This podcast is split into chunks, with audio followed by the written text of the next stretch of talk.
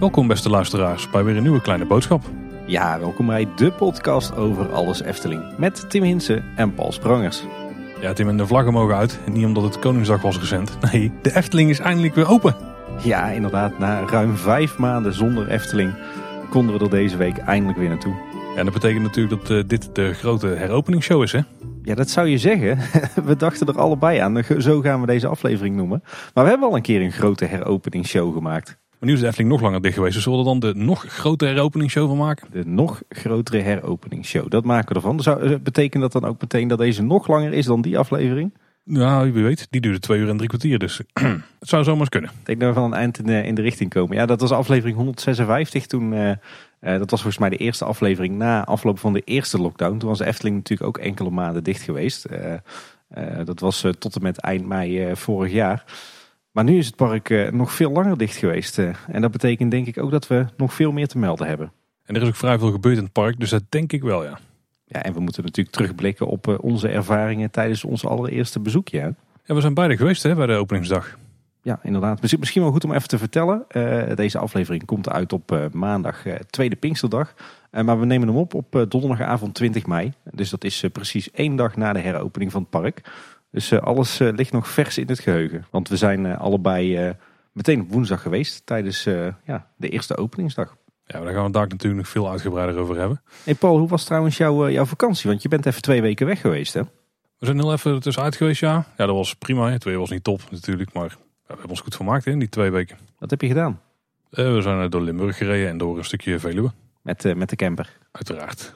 Jullie nog interessant gedaan, Tim, tijdens de vakantie? Nee, wij hadden geen vakantie. We hebben eigenlijk gewoon doorgewerkt. We hebben tussendoor nog wel wat, wat uitjes gedaan natuurlijk in eigen land. Uh, maar daar zullen we het aan het eind van de aflevering nog wel even kort over hebben. Uh, we hebben inmiddels wel de knoop doorgehakt. We gaan deze zomer toch maar niet naar het buitenland. We, we, schatten de kans nog klein in dat we tegen die tijd allemaal al dubbel en dwars zijn ingeënt. dus we hebben nou uiteindelijk maar een vakantiehuis op Texel gehuurd. Dan weten we in ieder geval zeker dat we ergens naartoe kunnen van de zomer. En als het dan toch mee zit, dan, dan doen we alsnog misschien een korte vakantie naar het buitenland of een weekendje weg of zo. Maar nee, deze meivakantie zijn we gewoon aan het werk gebleven. En dat was me goed ook, want uh, ik had uh, veel bij te houden in ons draaiboek uh, in de tussentijd. ja, hij pelt uit en dit zal wel een lange aflevering worden. Maar wil je nou de stem van Tim nog iets meer horen? Nou, dat kan ook, want Tim hebt opgedraven in twee andere podcasts. Ja, inderdaad. Jij was twee weken weg. Ik, ik kon twee weken niet opnemen. En ik merkte dat podcast maken stiekem toch best wel verslavend was. Maar gelukkig werd ik inderdaad gevraagd om, voor, voor twee andere podcasts. Ik ben ingevallen voor Niels bij Typisch Brabant, de podcast. De podcast van ja, onze podcastvrienden eh, Mark en, eh, en Niels. En ik ben ook nog eh, geïnterviewd voor de podcast Ambtenaren zijn net mensen. Die, die laatste die ken ik dan niet, maar ik kan me wel een beetje voorstellen waar die over gaat. Ja, die ging vooral over mijn werk. Die is trouwens nog niet uit. Als die tegen de tijd dat die uit is, dan zullen we hem wel even linken in onze show notes. En die van Typisch Brabant, die is heel tof. Sowieso een toffe podcast, dus check die ook zeker. En dan hoor je ook Tim's visie over Brabant langskomen. Hey Paul, en voordat we echt uh, beginnen met de aflevering. Uh, de vorige nieuwsaflevering, inmiddels alweer drie weken geleden, dus vanwege de meivakantie. Uh, toen had je ook nog een prijsvraag, hè? Ja, we hadden inderdaad een prijsvraag. Daarbij kon je pianolessen winnen, online pianolessen bij leer.pianospelen.tv. En daarbij hebben we gevraagd om wat motivaties in te sturen waarom jij denkt dat jij heel geschikt zou zijn om die pianocursus te volgen. We mochten er twee weggeven. En we hebben wat inzendingen binnengekregen, Tim. En er zaten mooie verhalen bij die ik weet niet of ze allemaal geschikt zijn om voor te lezen. Dus ik denk dat ik dat even niet doe. Maar de winnaars kunnen we wel bekendmaken. Dat zijn eh, Kevin de Jong. Die had er een hele goede motivatie bij. En eh, Sam Vlas. Dus hartstikke gefeliciteerd beide. En eh, iedereen die nog verder iets heeft ingestuurd, ook bedankt voor de inzendingen. maar Sam en Kevin sprongen er net wat meer bovenuit dan de rest. Iedereen had wel een goede reden hoor. Dus genoeg mensen met motivatie om piano te spelen in Nederland. Inderdaad, ja. ja. Heren, van harte gefeliciteerd. En vooral succes met, met de pianolessen. Het, het zou mij niet lukken. Het zou mij, voor mij te hoog gegrepen zijn. Ja, we hebben jullie e-mailadressen binnengekregen en die sturen we door naar degene die de cursus voor jullie regelt. Dus je krijgt vanzelf een mailtje met de inloggegevens. Hey Paul, dan voordat we uh, nog even gaan uh, terugdenken aan uh, de mooie eerste openingsdag en gaan vertellen wat er allemaal nieuw was in het park en wat er allemaal is veranderd, moeten we denk ik eerst nog even beginnen met de follow-up op de afgelopen paar afleveringen. Hè? Zeker, zeker. We hadden het in aflevering 210, dat was de Efteling en de Media deel 2, over die film Voorbij Voorbij van Paul Verhoeven. Dat Bjorn Bouwers nog wat screenshots zou plaatsen van die film. En dat heeft hij inmiddels gedaan, dus check het link in de show notes. Daar heeft hij vooral gefocust natuurlijk op het Efteling stukje. Er zaten vooral hele mooie beelden tussen van uh, Station Noord. Naast het, uh, het uh, café-restaurant, die ik nog nooit eerder had gezien. Dus dan krijgen we eindelijk een indruk van hoe dat station eruit heeft gezien. We kregen ook nog een kleine verbetering daar. Ruben die schreef over de liquidatie. Ik, ik vertelde dat daar iemand met een geweer en waarschijnlijk een luker daar achterin de trein de liquidatie aan het voorbereiden was. Maar Ruben die verbetert mij. Het is geen geweer, maar een pistool. Daar heeft hij zeker helemaal gelijk in. En hij vermoedt dat het geen Luger is, maar een Walter P38. Nou, Ruben die heeft er meer verstand van dan ik, is wel duidelijk. Kijk, zo hebben we op alle vlakken hebben we experts uh, tussen onze luisteraars zitten. Inderdaad, inderdaad. Hey, aflevering 211 eh, was het eh, interview met Jacques Rijnen. Leon, Leon Efteling op Twitter, die heeft nog wat leuke foto's geplaatst. ja, die zeg maar verband houden met de zaken die we besproken hebben in dat interview. Uh, onder meer uh, foto's van de bezetting van het, uh, het Entenwoud, waar later het Loonse Land is gerealiseerd. Met ja, de natuurbeschermers in de bomen. En nog wat foto's van de spaghetti aan kabels en leidingen onder de grond in, het, in de Efteling. en ook nog de moerascipressen bij de Pegasus, waar Jacques het over had. Dus als je beelden wil bij dat interview, dan moet je zeker het Twitter-account van Leon even checken. We zullen de linkjes ook even in de show notes plaatsen. En uh, naar aanleiding van het interview heeft Chuck zelfs een eigen pagina gekregen op uh, Eftepedia, zag ik. Ja, dat is tof. Ja. Dus als je een nog completer overzicht wil hebben van alles wat Chuck heeft gedaan... en met linkjes naar alle individuele projecten, waarvan een aantal lemmers ook zijn bijgewerkt... dan kun je Eftepedia checken en even zoeken naar Jacques. En dan onze vorige nieuwsaflevering was uh, aflevering 212. Ja, en dan had ik een, aan het einde een beetje een klein relaas over podcasts. En de, de status of de situatie eigenlijk van de wereld van de podcast... met een, wat lichte kritiek richting onder andere Spotify. Ik denk dat ze hebben geluisterd, Tim, want... Ja, ze hadden niet echt heel veel zin om onze nieuwe aflevering, volgens mij die specifieke zelfs, om die online te zetten. Er zat wel vertraging in. Maar het is volgens mij bij Apple Podcasts op dit moment ook een beetje gedoe. Dus het is wat, wat roerig in de podcast uh, appwereld op dit moment. Ja, dus mocht je nou een keer op maandagochtend om vijf uur s ochtends geen eh, kleine boodschap in je podcast eh, app hebben staan. Is misschien een tip om voor de zekerheid altijd even onze website te checken. Kleineboodschap.com. Daar staan de afleveringen eigenlijk vrijwel altijd gewoon op tijd online. Uh, en daar hebben we geen last van gedoe met allerlei eh, apps en feeds.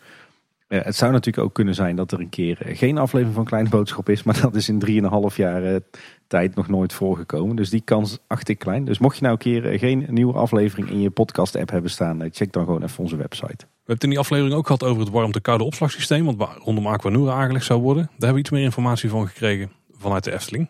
Ja, inderdaad. We hadden om uh, wat uitleg eh, gevraagd om de werking van het systeem. Met name in combinatie met de vijver. en we hebben een korte toelichting gehad.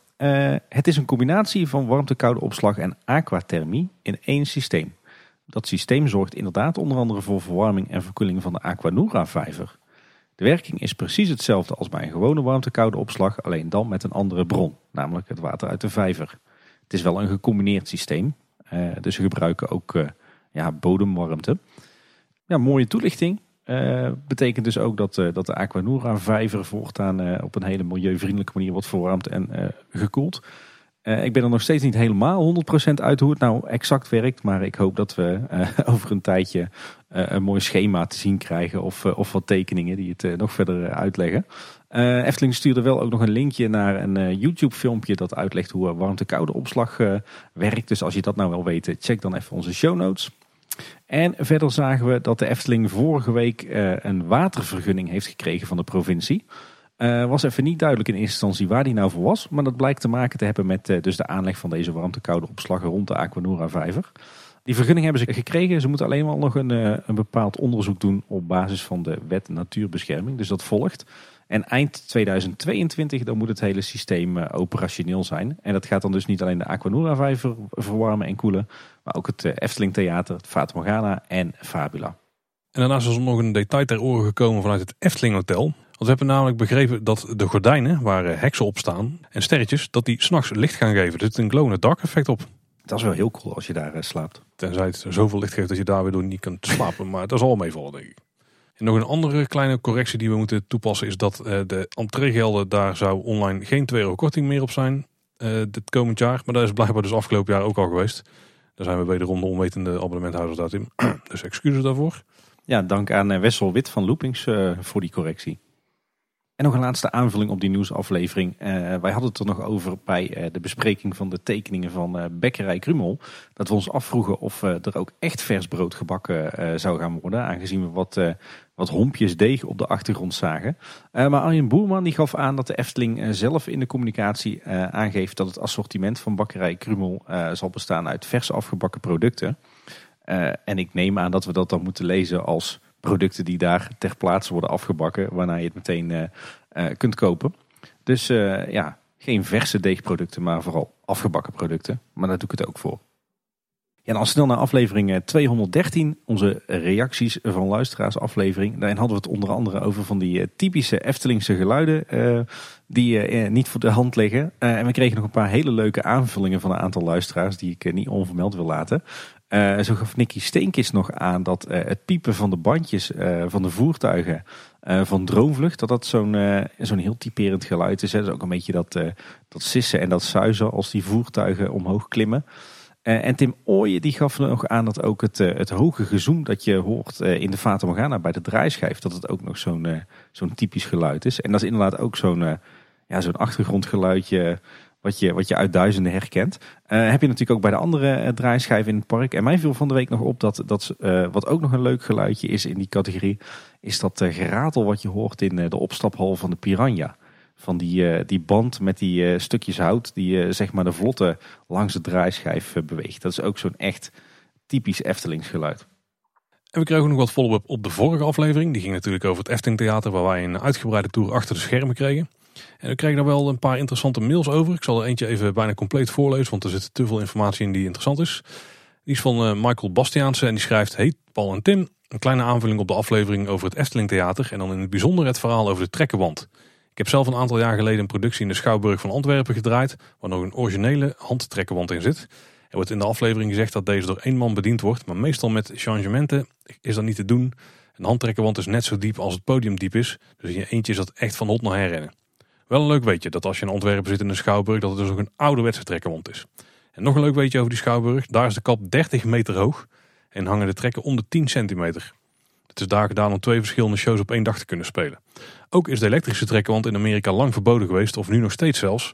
Want dit is door de vakbonden daar tegengehouden vanwege de werkgelegenheid. Want het is ook nogal een verschil of één man achter een pc staat, of vier en soms wel zes mensen in de touw hangen aan de wand. Met vriendelijke groet Michael. Nou, mooi stukje historie van de trekkerwand. En eh, dit was me helemaal niet bekend in Amerika. Ja, dat is wel typisch vakbondenactiviteiten daar. Ja. Ja, heel tof uh, om, uh, om daar eens wat, uh, wat van te horen. Wat ook tof was, is dat Melvin ons wist te melden dat er nog een plek is in de Efteling waar het trekkerwandsysteem wordt toegepast van dezelfde leverancier. Namelijk in de hoofdshow van Pandadroom en Fabula. Want de boom die daar aan het plafond hangt, die wordt echt door hetzelfde systeem aangedreven. En die is ook door hetzelfde bedrijf geïnstalleerd. Want ja, die waren toen toch bezig met de bouw van het theater. Hè? Toen, toen Panadroom het gerealiseerd. Ja. Ik moet zeggen dat ik nog wel nog steeds met eh, veel plezier eh, terugkijk op eh, de rondleiding die we daar hebben gehad. Echt een enorm tof kijkje achter en boven en onder de schermen. ik was ook wel heel erg onder de indruk van hoe enorm imposant en complex dat gebouw eigenlijk was. En hoeveel techniek dat erin zit. daar sta je echt totaal niet bij stil tijdens een normaal dagje Efteling. En ik kan me nu ook wel voorstellen dat zo'n gebouw als het Efteling Theater echt enorm hoge onderhoudskosten en, en beheerkosten heeft. Eh, en Efteling heeft natuurlijk, wel meer van dat soort uh, imposante gebouwen staan met allerlei techniek erin. Dus ja, als je dat dan zo achter de schermen allemaal ziet, wat er allemaal bij komt kijken, dan snap je ineens heel goed waarom het onderhoud van de Efteling zo schreeuwend duur is. Het zal niet alleen door het theater komen, maar ik kan me inderdaad wel voorstellen dat hij een aanzienlijk stukje daarin meepikt. Ja. Ik heb ook van veel mensen gehoord dat dit de aflevering was geweest om een GoPro mee te nemen of zo. En daar hebben ze wel gelijk in, want heel veel van die plekken waren ook best wel tof om gewoon om te laten zien. Um, ja, er is natuurlijk wel een reden dat wij daar wel makkelijker kunnen komen, omdat we het juist niet kunnen laten zien, dan alleen maar kunnen beschrijven. Precies. En een kleine blik achter de schermen. We hebben die aflevering opgenomen tijdens de lockdown. En we moesten uh, dwars door het park heen om bij het Efteling Theater te komen. Dus dat maakte het voor ons uh, stiekem nog net even een uh, stukje indrukwekkender dan dat het theater zelf alleen al was. Als je goed hebt opgelet in de nieuwsaflevering die ongeveer de week daarna is opgenomen, dan heb je denk ik wel een idee wanneer we daar zijn geweest. Check het onderuit blokje. Maar goed, Paul, meer dan genoeg over het uh, verleden en over lockdowns. Want we gaan toch wel naar het hoofdonderwerp van, uh, van deze aflevering. En, en wat mij betreft ook naar het nieuws wat de afgelopen week totaal heeft beheerst. Namelijk woensdag 19 mei. De Efteling ging weer open. Ja, dat was toch een moment waar we heel lang hebben uitgekeken samen met heel veel Efteling-liefhebbers. En ik denk ook wel dat het moment uiteindelijk qua timing nog best goed uitkwam. Want het hele verhaal is natuurlijk dat vanwege de dalende cijfers, of de in ieder geval plateauende cijfers, dat daardoor een aantal uh, zaken zoals de dakattracties weer open konden met buitenlocaties, zoals we allemaal goed weten. En uh, als ik kijk nu naar de cijfers, dan gaan ze inderdaad heel erg de goede kant op. Dus qua timing uh, best prima dit, denk ik. Ja, ja, en het was niet niks, hè, die, die sluiting van de Efteling. Uh, het park is ruim vijf maanden dicht geweest. Sowieso de langste lockdown van deze coronacrisis. Maar ik heb even zitten terugkijken in de geschiedenis. En de laatste keer dat het park zo'n vijf maanden dicht ging, was in de winter van 1998, 1999. Dus dan hebben we het over ruim 22 jaar geleden. Zo. Sindsdien is het park nooit meer zo lang dicht geweest als, als nu. Misschien als je het per dag gaat uitrekenen, dat het misschien wel nog nooit zo lang heeft geduurd, die wintersluiting. Uh, maar ja, dat was dus voor ons allen en ja, natuurlijk vooral voor de Efteling en haar medewerkers een enorm bittere pil. Maar goed, dat hebben we nu achter de rug. En ja, woensdag 19 mei ging de Efteling dus weer open. Ja, wij zijn er beide heen geweest. Viel gelukkig op een woensdag. En wij zitten inmiddels beide met uh, kinderen die naar school gaan. Dus we moesten in de ochtend nog heel erg geduldig afwachten. Maar in de middag zijn we beide die kant op getrokken. Hoe, hoe was, jouw, hoe was jouw dagje Efteling? Ja, we hebben een hele fijne middag gehad. Het was vrij rustig nog, vond ik. Uh, volgens mij, als ik het goed begreep, waren vooral alle abonnementhouderplaatsen die waren gereserveerd. hoe het qua last stond, weet ik niet. Maar qua dagbezoekers viel het wel mee met de hoeveelheid mensen die tickets hadden gekocht. Tenminste, voor zover we daar inzicht in hebben. Want we kunnen alleen maar afgaan op die 25 plus die daar staat bij de tijdsloten. Uh, maar ik vond het heel goed te doen qua drukte. Je kon je overal gewoon heel veilig gedragen. Ik het ligt natuurlijk altijd aan de mensen. Maar wij hebben echt nergens last van gehad van mensen die uh, vervelend waren of zo. Uh, de personeel was super vriendelijk. En, de kinderen die hadden er enorm veel zin in. Die zaten vol met adrenaline al de hele dag. Tenminste voor naar school gaan. En toen ze terugkwamen ook meteen weer. En de dag van tevoren ook al. Want die wisten natuurlijk wel wat er ging gebeuren. De buitenattracties waren natuurlijk de enige geopende attracties. Op een paar op het randje hangende attracties namen. Daar gaan we het daar vast over hebben. En het was die dag niet eens zo'n heel goed weer. Maar ondanks dat hebben wij ons echt heel goed vermaakt. Best wel wat kunnen doen ook. Een paar achtbaantjes weer meegepikt. Mijn eerste van het jaar, ik zag die vraag langskomen, was uh, Max en Moritz. Want daar wouden de kinderen natuurlijk heel graag in. Ja. En we hebben natuurlijk ons best gedaan om ons budget er al voor een deel erin te draaien. was wel enigszins mislukt achteraf. Oh. Want uiteindelijk eh, zijn wij in de avond voor een frietje gegaan. Maar die heb ik natuurlijk besteld via de app. En dan kun je niet betalen met je abonnement. Dus daar heb ik gewoon weer geld afgetikt. Dus er komt nog wel wat geld in het laadje bij de Efteling. Misschien is het nog liever dat ik, dan dat ik mijn compensatie verbras. Ja, dat klinkt wel herkenbaar. Ik ben uh, woensdag ook een aantal keer vergeten om mijn abonnementhouders te goed uh, te gebruiken. Dus ik heb ook een paar keer de pinpas getrokken. Dan moet ik wel zeggen, Tim, de grootste controverse van de dag heb ik eigenlijk helemaal niemand over gehoord. Dat is dus dat ze de shortcakes hebben aangepast. Ze hebben een, uh, ja, ze hebben een andere levering gekregen. Vertel. Van andere shortcakes. En die, eh, die, die allerbeste weet je wel, die met die witte chocola en een dikke laag karamel erin. Oh ja, mijn favoriet. Die dikke laag karamel die is nergens meer te vinden. Er, zit wel iets, iets in, maar het is vrij weinig. En er zitten nou ook uh, raspberries in of zo. Of in ieder geval iets van een uitgedroogde bes. Nou, dat is niet zo heel interessant. Dat hadden ze beter niet kunnen doen. En de enige classic die ze nog hebben is volgens mij die eh, chocolade met noten. Die is nog steeds wel goed hoor. Maar die, die witte, dat is gewoon, ja, dat was de ultieme shortcake wat ons betreft. Ja, precies. En die is nou nergens meer in het park te krijgen. Maar we moeten denk ik gewoon allemaal ons best doen om de huidige levering even leeg te, of weg te eten. En hopelijk worden dan de, de classics weer gewoon geleverd. Maar, maar jouw vrouw kan ze toch inmiddels zelf maken. Dus dan uh, dat is dat dan toch de oplossing van uh, jou en mijn probleem op dat punt. Ja, maar daarmee kom ik niet van mijn compensatie af. Nee dat is waar. op dat gebied hebben wij iets meer ons best gedaan, denk ik. Maar goed. Hey, en kon je emoties een beetje in de hand houden, Paul? Op zo'n uh, heropening na vijf maanden sluiting? Ja, dat ging eigenlijk nog best goed. Ja, ja. En hoe was dat weer jullie? Ja, wij hebben ook echt een heerlijke dag gehad. Uh, wij zijn uiteindelijk, uh, denk ik, rond een uurtje of twaalf, half één aangekomen bij het park. Uiteindelijk was het zeven uur s'avonds even naar huis gingen. Dus het was zo'n beetje een volwaardige parkdag. Maar nee, het was echt een fantastische dag. zo ongelooflijk fijn om weer terug in de Efteling te kunnen zijn. Uh, voelde echt als een enorme opluchting na al die maanden. Eindelijk weer terug in je tweede thuis. En ik moet zeggen, ik denk dat ik eh, de hele dag heb rondgelopen in een soort LSD-trip-achtige extase. volgens mij heb ik de echt de hele dag door de Efteling gelopen met een, een big smile op mijn, op mijn gezicht. ik kon wat dat betreft niet stoppen met glimlachen. Uh, af en toe schoot ik ook even vol, merkte ik. Uh, vooral als je dan zag wat, uh, wat het voor effect op, op mijn dochters had. Die waren ook helemaal door het dolle heen dat de Efteling weer open was. En die moesten alle sprookjes uitgebreid weer bewonderen en alle showtjes kijken. Dus ja, dat, dat hakte er dan wel even in. Maar nee, het was een ontzettend fijne dag. En ja, ik, wij voelden ons allemaal echt euforisch blij. Dus het was een hele bijzondere dag. Het weer zat niet mee. We waren er volgens mij iets eerder dan jij. En we hebben echt een paar flinke regen- en zelfs onweersbuien gehad. Maar ja, aan de andere kant, dat hoort voor mijn gevoel toch ook wel een klein beetje bij opening in de Efteling. Op de een of andere manier van oudsher zijn altijd alle eerste zomeravonden verregend. En altijd alle eerste weekenden van de winter Efteling verregend. En zo ook nu de heropening van de Efteling, die is ook een beetje verregend. Maar goed, dat had ook, bracht ook weer voordelen met zich mee. Want eh, de kinderen die wilden heel graag allebei in de Piranha. En ik ben daar normaal gesproken niet zo'n fan van. want ik ben er niet zo dol op om de halve dag door de Efteling te lopen met zeiknatte kleren. Maar ja, vanwege dat slechte weer liepen we nou toch allemaal rond in de regenkleding en regelaarzen. Dus we konden zo een paar keer de Piranha in. zonder problemen. En dan kwamen we er droog uit. Dus dat was dan weer een voordeel bij een nadeel. ja, verder viel mij ook. Ik vond het opvallend rustig in het park eigenlijk. Ik had het veel, eh, veel drukker verwacht. Uh, maar wat wel leuk was, was dat het eh, echt voelde als één grote reunie. Want ik heb ontzettend veel bekenden gezien. Collega podcasters, collega fanmedia, maar vooral heel veel bekenden uh, uit de omgeving hier. Bekende abonnementhouders, fans, redactieleden van ons. Dus ik, ik denk dat wij geen 100 meter konden lopen zonder dat er weer een, bekende ons aansprak. Dus dat is dan wel leuk op dat soort bijzondere dagen. Toch hebben we elkaar niet getroffen. Daar sta ik wel van te kijken eigenlijk. Ja, inderdaad. Die vraag kreeg ik van meer mensen van uh, waar is Paul? Ik zeg, ik zou niet weten waar die uithangt. Waarschijnlijk bij de shortcakes. Ja, nou, ja nou, daar, daar zijn we wel Thomas tegengekomen van Tientalk. Maar... Ja, die heb ik ook gezien. Maar ook wel, ja. ja, nee, wij hebben elkaar uh, misgelopen. Um, maar verder heel veel bekenden gezien en dat is altijd gezellig. Um, ja, verder, ja, wij hebben ons gewoon bijzonder goed vermaakt. Uh, heel lang in het Sprookjesbos rondgehangen. Uh, ik denk dat ik nog nooit zo lang in het Sprookjesbos ben geweest en relatief zo weinig uh, sprookjes heb gezien. Uh, wat ik al zei, alles, alles drie keer kijken.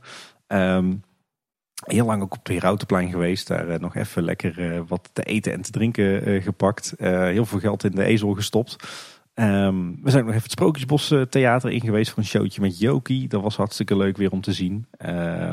Nou, uh, eigenlijk zo'n beetje het hele park gehad uh, die middag. En we zijn de dag geëindigd uh, bij Polles Keuken op het terras. Had ik gereserveerd online. was eerst nog wel een kleine kink in de kabel, want het, het begon weer eens te gieten. maar ondanks dat ik van tevoren had gereserveerd, hadden we een tafel zonder parasol. En ja, om nou in de stromende regen pannenkoek te gaan eten, dat ging net even een stapje te ver.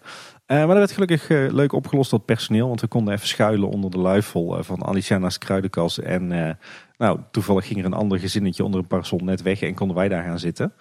Uh, dus daar hebben we lekker, uh, lekker nog even gegeten. Uiteindelijk ook in het zonnetje. Viel trouwens op dat uh, ze daar. ze hadden daar natuurlijk al speciale kinderpannenkoeken. Maar ze hebben nu ook een verantwoorde variant. Er staat nu namelijk ook een kinderpannenkoek met fruit op het menu. super goede verbetering. maar ja, eigenlijk al met al ontzettend genoten. En uiteindelijk was het 7 uur s avonds eer we het park verlieten. Dus ja, het was echt één grote extase onze eerste dag weer terug in de Efteling. En ik uh, moet zeggen, ik uh, kijk er nu met, uh, met de heimwee weer op terug. En ik ben blij dat we weer aardig wat reserveringen op de planning hebben staan voor de komende week. Want ja, het, het smaakt vooral naar meer. Ja, kijk, het is niet alleen ons opgevallen, Tim, want de Efteling geopend is. En ons kringetje van Efteling-liefhebbers. Want Efteling was ook trending. Hashtag Efteling was op Twitter een van de meest besproken zaken op de heropeningsdag. En heel veel normale mensen, de Trusa Delft, vonden het ook best bijzonder. Ja, inderdaad. Ik geloof dat het zelfs uh, was opgepikt door uh, uh, Radio 2. Die vonden het heel raar dat de hashtag Efteling trending was. Die gingen die tweets bekijken. En die kwamen erachter dat er dus heel veel mensen in de Efteling rondliepen. Die ieder detail wat anders was of wat nieuw was met de wijde wereld gingen delen. Dat vonden ze heel bijzonder. Nou, dan hebben ze Kleine Boodschap toch niet geluisterd. Nee, dat is voor ons een standaard donderdagochtend. Ja, daar ben ik, ben ik iedereen ook heel erg dankbaar voor. Daar, daar hebben we ons draaiboek goed mee kunnen vullen. En Paul, eh, zelfs jij eh, zat nog even in de, de nationale media, hè? De nationale media. Ik denk dat je het iets te veel credits geeft. Maar ik mocht even aanschuiven bij Langs Straat FM. En daar eh, praten ja, eigenlijk over de heropening. Dat was een falikant mislukt. Want het ging uiteindelijk eigenlijk alleen maar over kleine boodschap. dus link staat in de show notes. Dus als je daar nog iets meer over wil weten, luister dan. Maar eigenlijk kun je net zo goed aflevering 199 luisteren. Daar krijg je dat te horen en nog veel meer. Ik moest vooral lachen dat de presentator van Langstraat FM gewoon echt niet wilde geloven dat wij tijdens die vijf maanden lockdown iedere week een aflevering uit konden blijven brengen. Ja, dan moet hij de livestreams gaan checken. Dat ging prima. ja, precies. Ja, en verder was er zowel de dag voor de heropening als de dag van de heropening zelf was er ook volop aandacht eh, voor de heropening van de Efteling. Eh, onder meer in het Brabants Dagblad en Omroep Brabant natuurlijk, de twee eh, vaste media outlets. Maar ik heb de Efteling ook voorbij zien komen bij Editie NL, bij de NOS, volgens mij bij Hart van Nederland ook nog. Tim, we dachten elkaar aan, Tim. Dat is allemaal lineair bekabelde televisie, hè? Ja, volop aandacht voor de heropening van het park.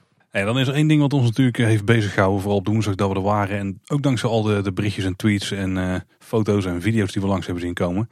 Wat is er nou allemaal veranderd in het park de afgelopen vijf maanden? Want het was toch meer dan ik had verwacht eigenlijk. Ja, inderdaad. Ik heb het vandaag even bijgehouden. Ik eh, heb vandaag in totaal eh 3,5 uur besteed aan het, eh, het verdere vullen en ordenen van ons draaiboek op basis van alle nieuwe waarnemingen gisteren.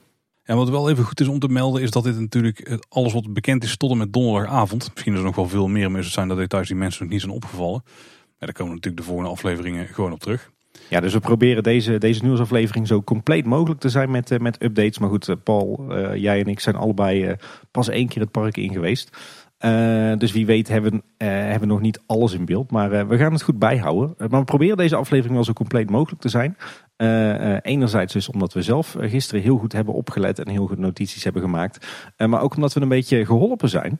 En laten we dan meteen maar aan het begin van de opsomming een aantal van onze collega fans en fanmedia bedanken. Ik heb heel veel gehad aan de updates van Eftelingstraat.nl, van Friso Geerlings, van Jeroen 2 en van Daniel. En ook nog van een, een aantal anderen.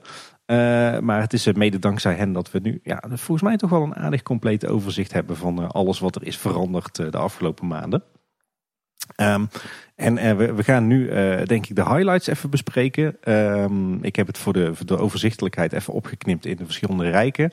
Maar we zullen het later in deze aflevering ook nog even afzonderlijk hebben over eh, Speelbos Nest. Over Bekkerij Krumel. En eh, we gaan het ook nog even hebben over alle ontwikkelingen rond de coronacrisis. En er is natuurlijk ook een eh, uitgebreid blokje onderhoud. Dus eh, alles wat we gisteren hebben gezien en vandaag nog hebben meegekregen, dat eh, smeren we netjes uit over deze hele aflevering. En dan beginnen we even nog voordat we door de poort heen lopen. Want wij kwamen aanrijden bij de Efteling. Met de auto uiteraard, want we wonen helemaal niet dichtbij of zo. En toen dacht ik van we gaan eens even het grootste laadplein van de Benelux. Of weet ik veel van welke regio gaan we eens checken. Want die ligt tegenwoordig in de Efteling vooraan op parkeerterrein. En daar vielen me een paar dingen bij op. Eh, Ten eerste vind ik de opzet vrij vreemd eigenlijk. Eh, Want dit zijn geen vakken waar je zoals de rest van het hoofdparkeerterrein schuin moet inrijden. Maar alle vakken zijn zo eh, neergekalkt dat, ze, dat je haaks moet inrijden. Terwijl het pad wat daar overblijft eigenlijk vrij kort is. En het resultaat ervan is dat dus iedere auto gewoon een ruimte ertussen openlaat. Dan kan je nog wel het grootste laadterrein van Nederland hebben. Van de Benelux, maar dan ja, kun je er effectief maar de helft van de aantal auto's kwijt. Dus dat vind ik nog een bijzondere keuze. Als de maar echt halen ze die beleiding gewoon weg en maken ze er ook schuiner van. Want volgens mij is dat een stuk efficiënter met in ieder geval hoeveel auto's daar daadwerkelijk kunnen gaan laden. En hoe gaat het met, eh, met uitrijden? Is dat een beetje te doen dan? Het was afgelopen woensdag was het dus niet zo druk. Dus dat was geen probleem. Want ja, iedereen had dus gewoon een plekje ertussen eh, vrijgelaten. En daardoor kon je op die manier gewoon makkelijk uitrijden. Maar als er toevallig een auto recht achter je staat, dan wordt het al iets lastiger, denk ik. Eh, maar dat was dus in dit geval nog niet. Maar als het drukker gaat worden, ja, kan het wel een probleem worden. Er zijn trouwens wel auto's waarbij het handiger is om die achteruit in zo'n vak te rijden. Omdat het laadpunt aan de achterkant zit. Misschien hebben ze het daarom gedaan. Maar dan was het misschien beter vooraan in de rij of zo nog wat rekening mee kunnen houden. Ik, eh, nou, ik weet niet. Dat was niet helemaal, eh, denk ik, nog ideaal. Maar de laadpalen zelf die zijn verder prima. Was het, was het al druk? Stond het er vol? Nou, er stonden wel verrassend veel elektrische auto's. Ik denk wel een stuk of eh, 40 of 50 of zo. Veel, veel vermogende Efteling-fans dan blijkbaar. Of veel eh, mensen die een leaseauto van de zaak krijgen. En toen we van de auto naar eh, de entree van de Efteling liepen, toen viel me ook iets op. Want je had voorheen had je daar zo'n wandelpad. Als je dan van vak KLM afkwam, dan werd je eh, als voetganger werd je over een bepaalde strook heen gestuurd. Die zat afgezet met paaltjes naast de, de laadrij. Volgens mij is die inmiddels verplaatst naar één rij verder. Maar op de plek waar die strook lag, het einde daarvan bestaat nog. De rest is nou ook gewoon laad, zijn laadplekken geworden, zeg maar. Maar het begin van, van ja, die strook, de, laatste 20 meter, daar hebben ze een deel daarvan nu bekleed met een, eh, met een kunststof weg. En hebben we vandaag geleerd dat die is gelegd door Plastic Road. En dit is dus het eerste stukje weg van dat type is wat is gelegd. Want dit was de marktlancering van het product. Eh, ze, melden daar zelf bij dat ze zelfs de elektrische shovel hebben ingezet. Ja, die hebben ze er ook eentje bij. Dus heel super duurzaam dit, Tim. Eh, Ja. Maar ik moet, ik moet zeggen, het ziet er een beetje vreemd uit. Ik dacht eigenlijk, toen ik het voor het eerst zag en nog niet dit verhaal erbij kende, dat dit een soort ja, toegangspanelen waren voor bijvoorbeeld de knooppunten van al die laadpalen of zo. Dat die daar centraal binnenkwamen en dan eh, vanuit daar naar de hoofdvoeding of zo zouden gaan. Maar het was dus een, een plastic road. Ja, het veert een beetje mee als je eroverheen loopt. Het, voelt bijna als zo'n vloer, zeg maar, ehm, bij van die speeltuinen, weet je wel. Onder de glijbaan of eh, bij de toestellen waar je uit kunt vallen. Ja. ja, ik heb net even zitten bekijken. Het, het product, ik ken het niet. Terwijl het, eh, ik werk toch in, in die sector. Ja, het zijn eigenlijk een soort plastic cassettes. Volgens mij hebben ze ook een functie in de opvang en de afvoer van regenwater. Eh, maar ik ben er eh, nooit heel erg fan van. En dan druk ik me nog zacht uit. Eh, een weg moet gewoon van eh, beton of van steen zijn. Ehm, en, en als ik jou al zo hoor dat het, eh, dat het meeveert, dan vraag ik me ook af hoe lang het, eh, hoe lang het meegaat hoor. Maar goed, het, het schijnt heel duurzaam te zijn. Nou roept iedereen dat dus. Maar eh, als je het mij vraagt, moet je geen, eh, geen plastic, eh, plastic rommel eh, gaan gebruiken als verharding van voetpaden. Maar goed, Nou, het is gerecycled plastic. Dat is het hele punt erachter natuurlijk. Dat maakt het duurzaam. Ja, maar maak daar dan lekker een eh, petflesje van of een, eh, of een eh, koffielepeltje zou ik zeggen. Ik- hoe dat allemaal werkt, dat weet ik niet. Eigenlijk, het meeveren, het is niet zo erg als ik misschien net doe vermoeden. Maar je voelt wel dat, die, dat er wat beweging in die vloer zit, zeg maar. En het is ook eigenlijk een vreemd stukje. Want het is een plek waar bijna niemand gaat lopen. Alleen ja, die paar mensen die daar een, een auto gaan laden. En dan ook alleen maar in de, de, de stroken dichter bij de fietsstalling. En het is ook niet een nieuw stuk pad of zo. Ze hebben daar gewoon specifiek ja, wat stenen voor weggehaald. En dit er weer in de plaats gelegd. Ik denk, ik denk eerlijk gezegd dat eh, de producent of, eh, of de aannemer gewoon de Efteling heeft aangeboden om gratis een stukje weg te leggen in, eh, in dit spul als promotie, als marketingdeal. En dat het daarom nu hier ligt, op een plek waar het verder ook niet heel veel kwaad kan. Maar ik mag toch hopen dat we geen plastic cassettes in het wegdek krijgen in de Efteling zelf de Ja, komende jaren. Ik zie het ook niet direct gebeuren. Maar toch een primeurtje daar. Een duurzaam primeurtje in Efteling.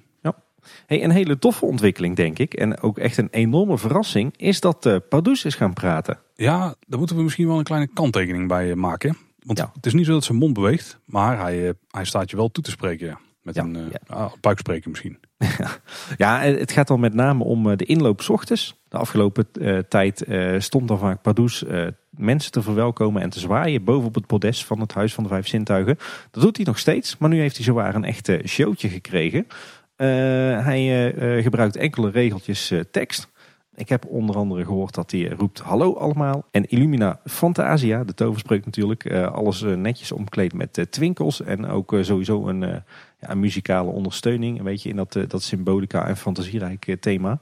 Ehm, en ja, die, die, die zinnetjes tekst die worden een beetje eh, willekeurig eh, over het publiek uitgestrooid. Maar het lijkt dus echt alsof Pardoes eh, jou echt daadwerkelijk begroet. En ik moet zeggen, het is best wel sfeervol en sprookjesachtig. Pardoes is ook weer ingesproken door Joey van der Velde, onder meer bekend als DJ. Dus dat is de stem zoals we hem ook kennen uit Symbolica. Klinkt goed. Wat me wel opviel is dat de hele installatie die is aangelegd in het Huis van de Vijf Zintuigen en op het voorplein. Dat die echt nog van tijdelijke aard is. Dus eh, wellicht is dit een, eh, een probeersel. Maar wat mij betreft eh, echt wel een, een succes, echt wel een verbetering. En wat me ook nog opviel is dat als Pardoes zijn tover- toverspreuk uitspreekt, dat dan ook de verlichting in het huis, of in ieder geval de verlichting boven de kassa's, dat die ook gaat meetwinkelen. Dus dat hebben ze ook heel cool Ja. gedaan. Dat is wel tof. Ja. Hey, tijdens de warme winterweide afgelopen winter toen had je zo'n fotopuntje. Waar je een fotograaf een foto kon laten maken van jou met Pardijn volgens mij bij een arreslee. Ja. Maar je kon ook zelf gewoon een foto maken. Nou, datzelfde concept hebben ze nu verplaatst naar het Dwarrelplein. Daar heb je natuurlijk de kiosk waar ook in de ochtend vaak sprookjesfiguren zijn. Daar ehm, kun je nu gewoon een foto laten maken door een professionele fotograaf. Geen verplichting over, je kan hier ook nog steeds gewoon zelf een foto maken. Er staat nu ook een bordje bij die dat concept uitlegt. Ja, de act die heet nou Ontmoet en Begroet in het prieeltje. En jij zei het al, Efteling-figuren. Volgens mij staan hier meestal eh, Roodkapje, Assepoester en, eh, en Ridder Thomas. En dat, eh, dat is dan meteen een mooi bruggetje naar een, een volgende vernieuwing. Want de souvenirkar die op het Dwarrelplein staat, ietsje verderop... die is de afgelopen maanden omgebouwd naar de blikvanger. Ziet er heel erg vrij uit, heel erg mooi opgeschilderd en gedecoreerd. En daar kunnen bezoekers voortaan de foto gaan kopen die dus gemaakt is bij die kiosk met de Efteling figuren. Eh, maar dat niet alleen. Eh, je kan daar ook allerlei eh, fotoproducten krijgen, onder meer de Digifotopas, maar ook losse vouchers voor de gewone fotopas. En je kunt daar afdrukken laten maken van foto's die gemaakt zijn met behulp van, van je fotopas. En daarnaast zijn ook nog gewoon alle andere souvenirs te koop die je voorheen bij die souvenirkar kon kopen. En Nestling heeft zelf nog wat meer informatie naar buiten gebracht over dit punt. Maar er is ook nog een, een tweede verkooppunt. Namelijk de jolige Gitter, maar die komen we daar nog tegen. Eh, want met die digifotopas kun je dus voortaan zelf attractiefoto's toevoegen in de Efteling app. En dat hoef je dus niet per se bij de attractie te doen, maar dat kan dus ook bij die foto- en souvenirkramen. Dus bij de Jolige Jutter en de, de blikvanger waar we het nu over hebben. En wat we al eerder vertelde, zo'n fotopas die kun je dus kopen en koppelen aan je Efteling-account eh, in de Efteling-app. En je kunt dan een eh, dagpas kopen, die kost 25 euro. Of een zevendaagse pas, die kost 35 euro. Een vrij goede deal, denk ik. En als je dan zo'n fotopas hebt, dan krijg je ook nog eens 30% fysieke korting op uh, fotoproducten. Dus onder andere die sleutelhangers en afgedrukte foto's. Zolang uh, de binnenattracties gesloten zijn, is het zelfs zo dat als je zo'n digifotopas koopt, dan krijg je er zelfs één gratis print gewoon bij. Dus voor de, de prijs van de digifotopas krijg je en alle foto's van de dag of die zeven dagen dat je er bent. Uh, of je kunt de foto sleutelhanger of magneet kiezen. Ja, ja wat, wat ik wel een hele goede innovatie vind, is dat hè, als je dus de digifotopas koopt en je laat hem in de Efteling app, dan verzamel je daar dus als het ware digitaal de hele dag jouw actiefoto's op. Uh, en je kan dan dus uh, halverwege de dag of aan het eind van de dag kan je naar een van die kraampjes gaan. Nou, het meest waarschijnlijk is dat dus de blikvanger die dus op het dwarrelplein staat.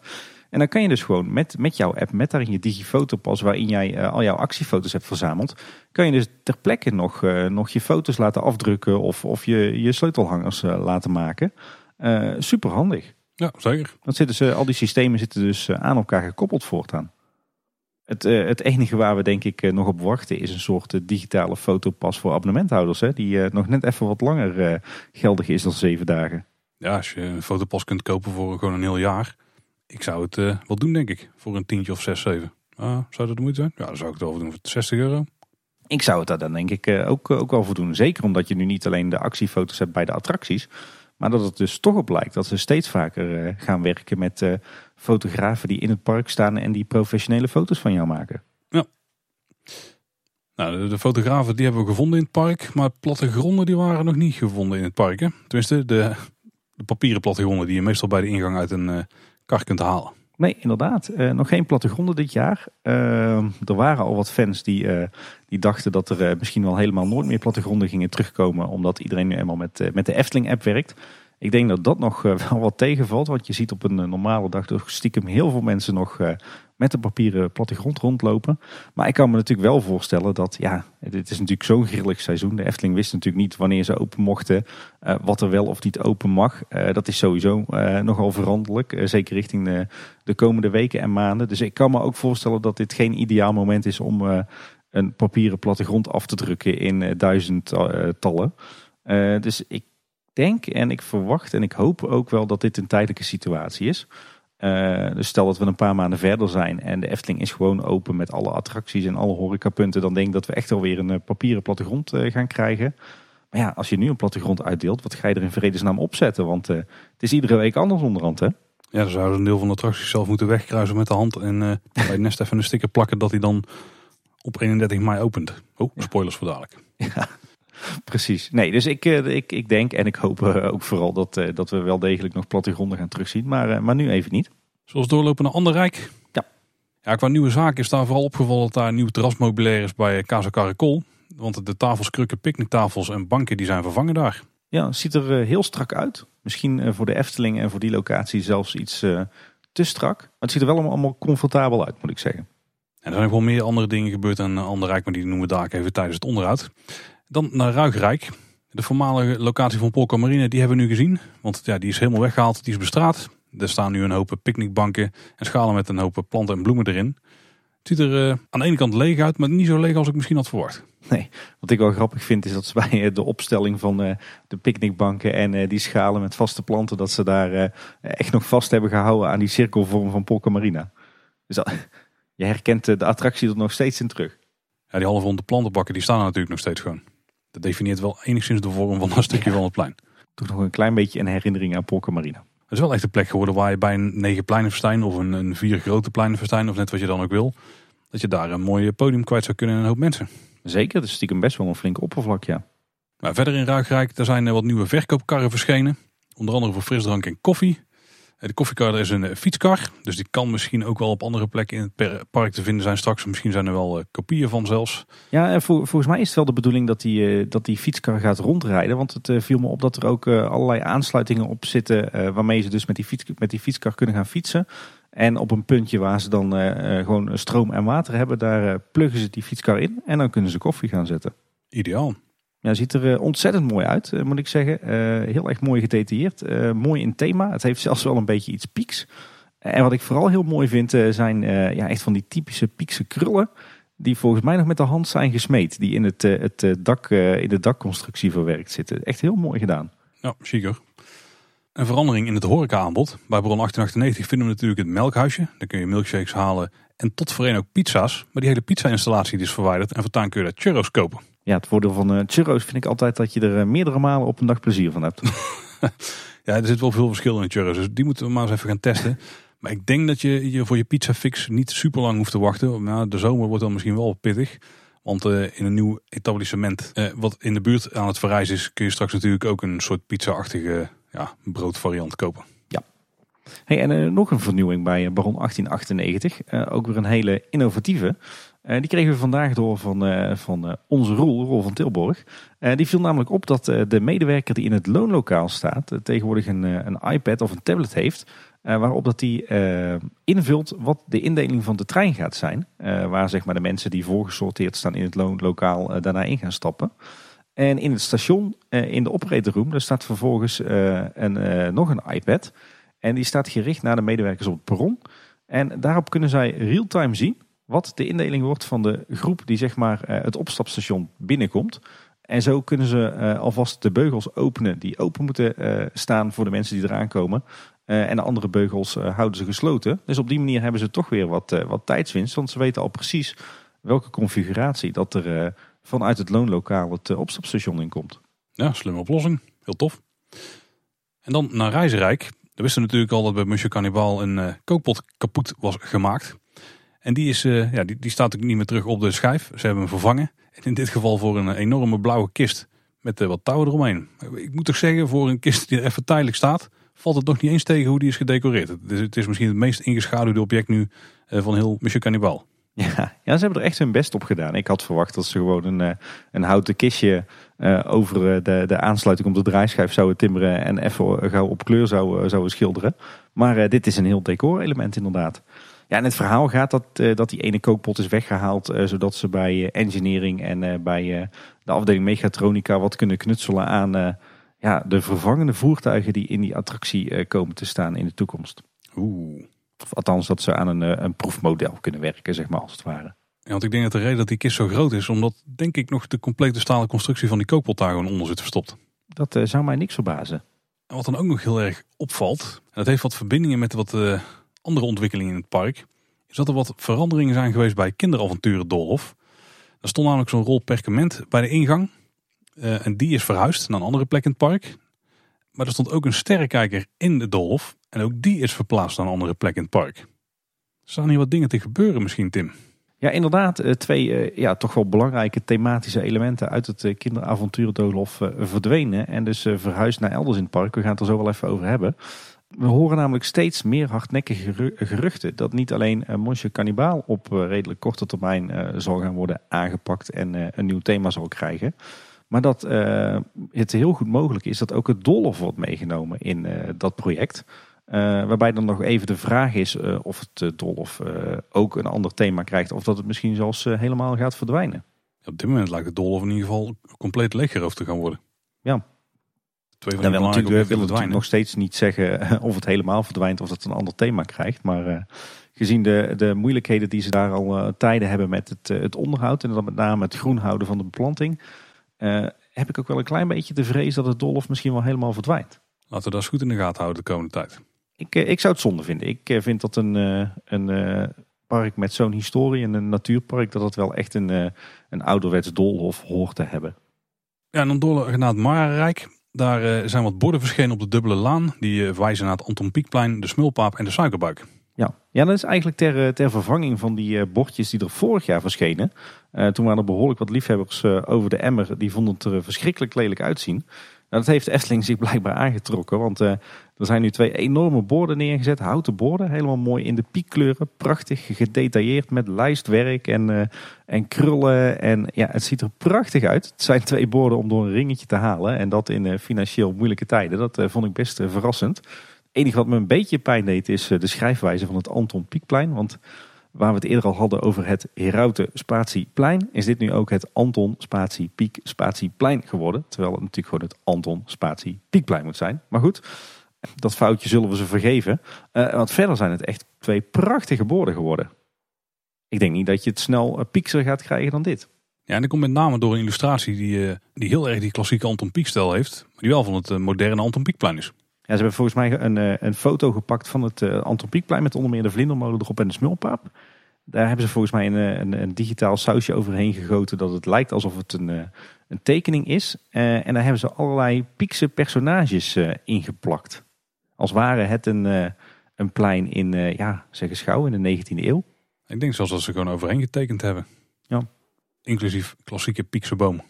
Met grillige takken. Heel tof. Ja, uh, Sam Vlas, een van onze luisteraars, Efteling-liefhebber, die heeft trouwens achterhaald uit welke originele piekprent die figuren komen. Dat heeft hij heel tof gedaan.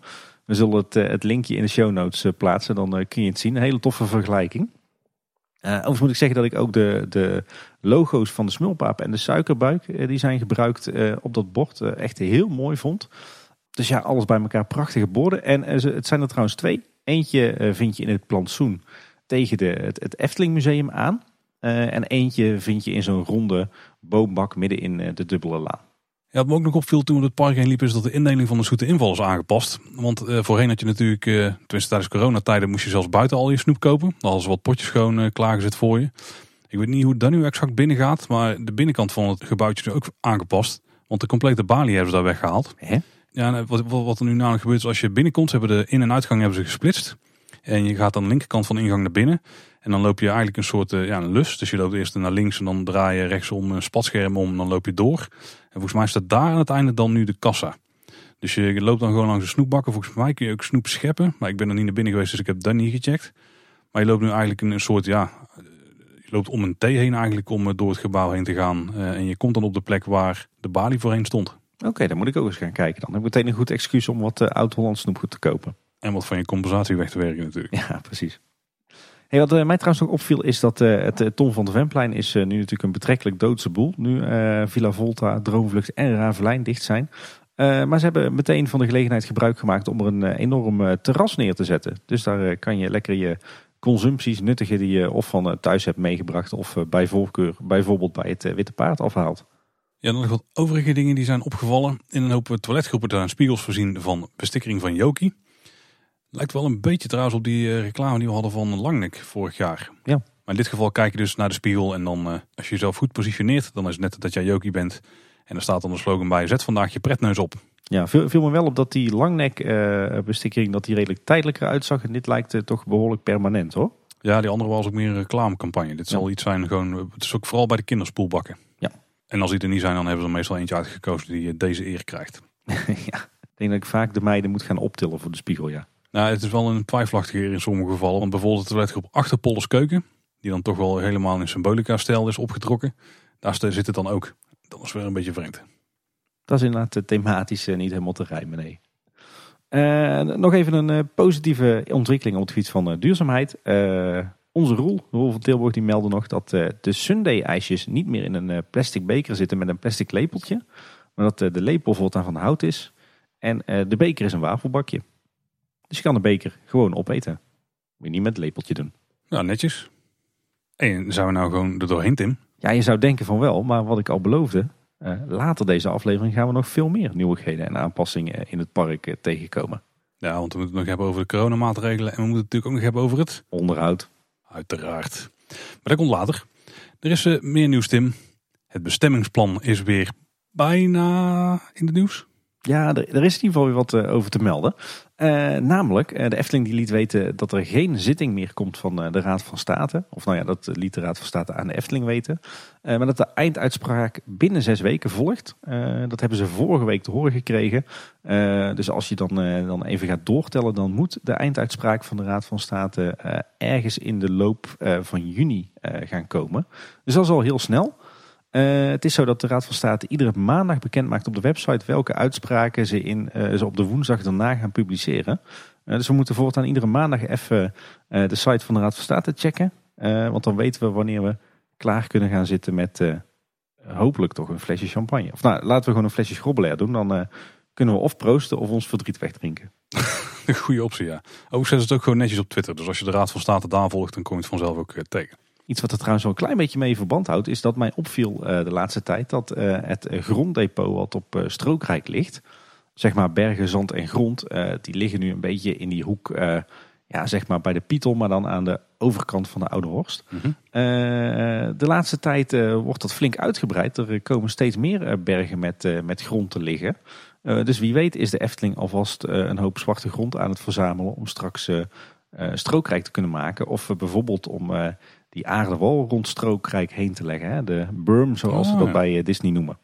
Ja, en ben niet bang dat, eh, dat door daar hopen zand neer te leggen, dat daar dan de uitbreidingsmogelijkheden eh, door vertraagd worden. Want die liggen dus op het punt waar niet uitgebreid gaat worden in eerste instantie. Ja, inderdaad. Want dat is het, het, het deel van de uitbreiding van Ruigrijk. En dat is fase 2 van Strookrijk. Fase 1 eh, wordt natuurlijk de uitbreiding van het Reizenrijk. Met naverluid onder meer de Circuscoaster. Oeh, kijk er uit. Ik kan niet wachten. Ja, dan naar Speelbos Nest. Daar hebben we inmiddels al redelijk wat van kunnen zien. Want daar zijn ze natuurlijk al heel ver mee. Sterker nog, we weten ook wanneer het Speelbos open gaat. Ja, inderdaad. Eh, laten we het er eh, straks even over hebben wat we allemaal eh, gezien hebben. Zelf in het park en op de vele foto's die gedeeld werden op social media. Maar laten we eens beginnen met, met twee posts op de Efteling blog. De belangrijkste toch wel is een, een blogpost waarin de Efteling ons meedeelt dat Speelbos Nest gaat openen op maandag 31 mei om half elf. Trouwens ook eh, de officiële verjaardag van de Efteling. Inderdaad, ja. Dus dit is het 69-jarige jubileum cadeautje dan, blijkbaar. Ja, eigenlijk is de Efteling natuurlijk veel ouder, hè, Paul. Want je weet Ja, dat de ja, Efteling in ja. 1935 is geopend eigenlijk. Ja, ja, ja, ja, of 51 of net wat je dan ook wil. Ja. Maar volgens de huidige officiële telling is het de 69e verjaardag. Maar je, je kunt Speelbosnest al eerder dan 31 mei gaan bezoeken als je abonnementhouder bent. Er zijn namelijk abonnementhouder previews, maar die werken net iets anders dan het voorheen het geval was. Eh, die vinden namelijk plaats op woensdag 26 mei, vrijdag 28 mei, zaterdag 29 mei en zondag 30 mei. Om een of andere bizarre reden niet op donderdag de 27e. Als je dan namelijk gewoon een reguliere reservering voor de Efteling maakt en je wandelt naar Speelbos Nest, dan kun je daar op vertonen van je abonnement kun je naar binnen. Ja, en dat eh, kan je de hele dag doen. Want het speelbos is ook gewoon open van eh, 10 tot 6. Dus een soort eh, soft opening. Ja, en daarbij mag het niet onvermeld blijven dat ook het verwende nest dan open is. Dus je kunt dan ook de Kurtskutskalidatsch openen. Kurtus Ah, den die. Of de chimney cake, hè? zo mag je hem ook noemen. dat is toch makkelijker. Ja. Eh, nee, nee, nee. We moeten wel de echte naam gebruiken trouwens. Van de, de echte signature snack. Eh, de kurkentrekker wordt dat, hè? De kurkentrekkers kunnen eten. Die is ook wel makkelijker te onthouden trouwens. Nou, wat we in ieder geval eh, hebben kunnen zien is dat afgelopen week de laatste speeltoestellen zijn geplaatst. Ja. En eh, de Efteling die berichtte ook in dat eh, blogbericht dat, er, eh, dat ze een EPDM-vloer hebben aangelegd in eh Speelbosnest. Een eh, zachte rubberen vloer, eh, gemaakt in een speciaal en passend ontwerp. Ik moet zeggen, die ziet er ontzettend kleurrijk uit. Hij is ook echt, zeg maar, de, de hele speeltuinvloer is zwaar in thema. In de, de meest bonte kleuren en met allerhande motieven. Ziet er aan de ene kant vrij uit. Aan de andere kant vind ik het een hele rare keuze. Om in een speelbos een grote rubberen vloer aan te brengen. Ja, je had eerder van... Nou, zo'n beetje alle andere speelbossen die ik gezien heb in Nederland en eh, daarbuiten de afgelopen maanden en jaren, die hebben allemaal gewoon bosgrond en zand. En ja, ik vind dit toch wel een beetje een bijzondere keuze. Ja, kijk, als je een rubber ondervloer doet, dan is het misschien nog veel logischer om ja, zo'n natuurachtige ondervloer te doen. Hè? Ik weet niet of het mullig is, maar daar kan ik me erbij voorstellen. Je hebt zo'n, het lijkt net zo'n samengetrapte eh grond met van die schorssnippers erin. Da- daar lijkt het op, maar het is gewoon rubber. Ik denk dat zoiets daar ook heel goed had gepast. Ja, van die, van die rubbersnippers inderdaad. Als je die ook nog Ja. eens in een eh, natuurlijke bruintint doet, dan eh, ziet het er inderdaad net uit alsof het eh, bosbodem is. Maar dat is dit niet. Dit is eigenlijk één grote plaat plastic in knalkleuren. Ik vind het niet helemaal passen bij een speelbos en ook niet helemaal duurzaam en milieuvriendelijk. Ik zou zeggen, maak het gewoon lekker inderdaad van, van schors of van mullig of, of gewoon van een of ander eh, waterdoorlaatend materiaal. Maar goed, eh, ze hebben om, eh, vast om verstandige redenen voor dit materiaal gekozen. Het ziet er wel heel fleurig uit. Ik denk dat ze iets te laat zijn om jouw goede tip nog ter harte te nemen. Nou, Dat zijn jouw woorden dat het een goede tip is. het, is het is hooguit mijn mening.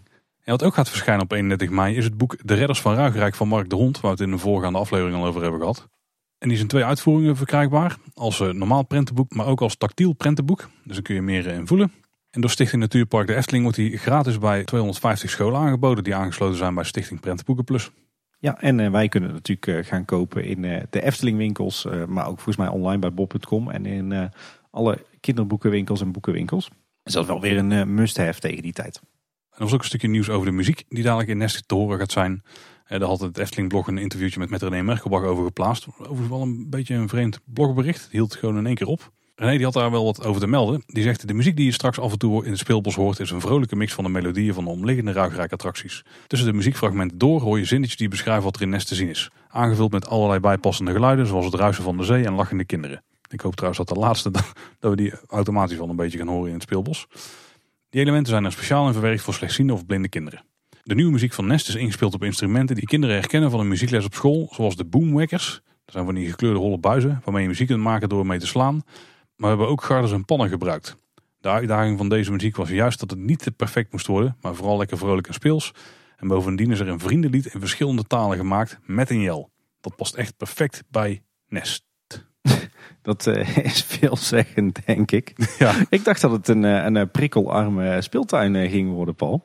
Ja, er zijn heel veel dingen die, die daar een beetje tegenstrijdig zijn, hè, die we hebben geobserveerd. Ja. En ook als je dan dit hoort inderdaad, de vrienden Jel.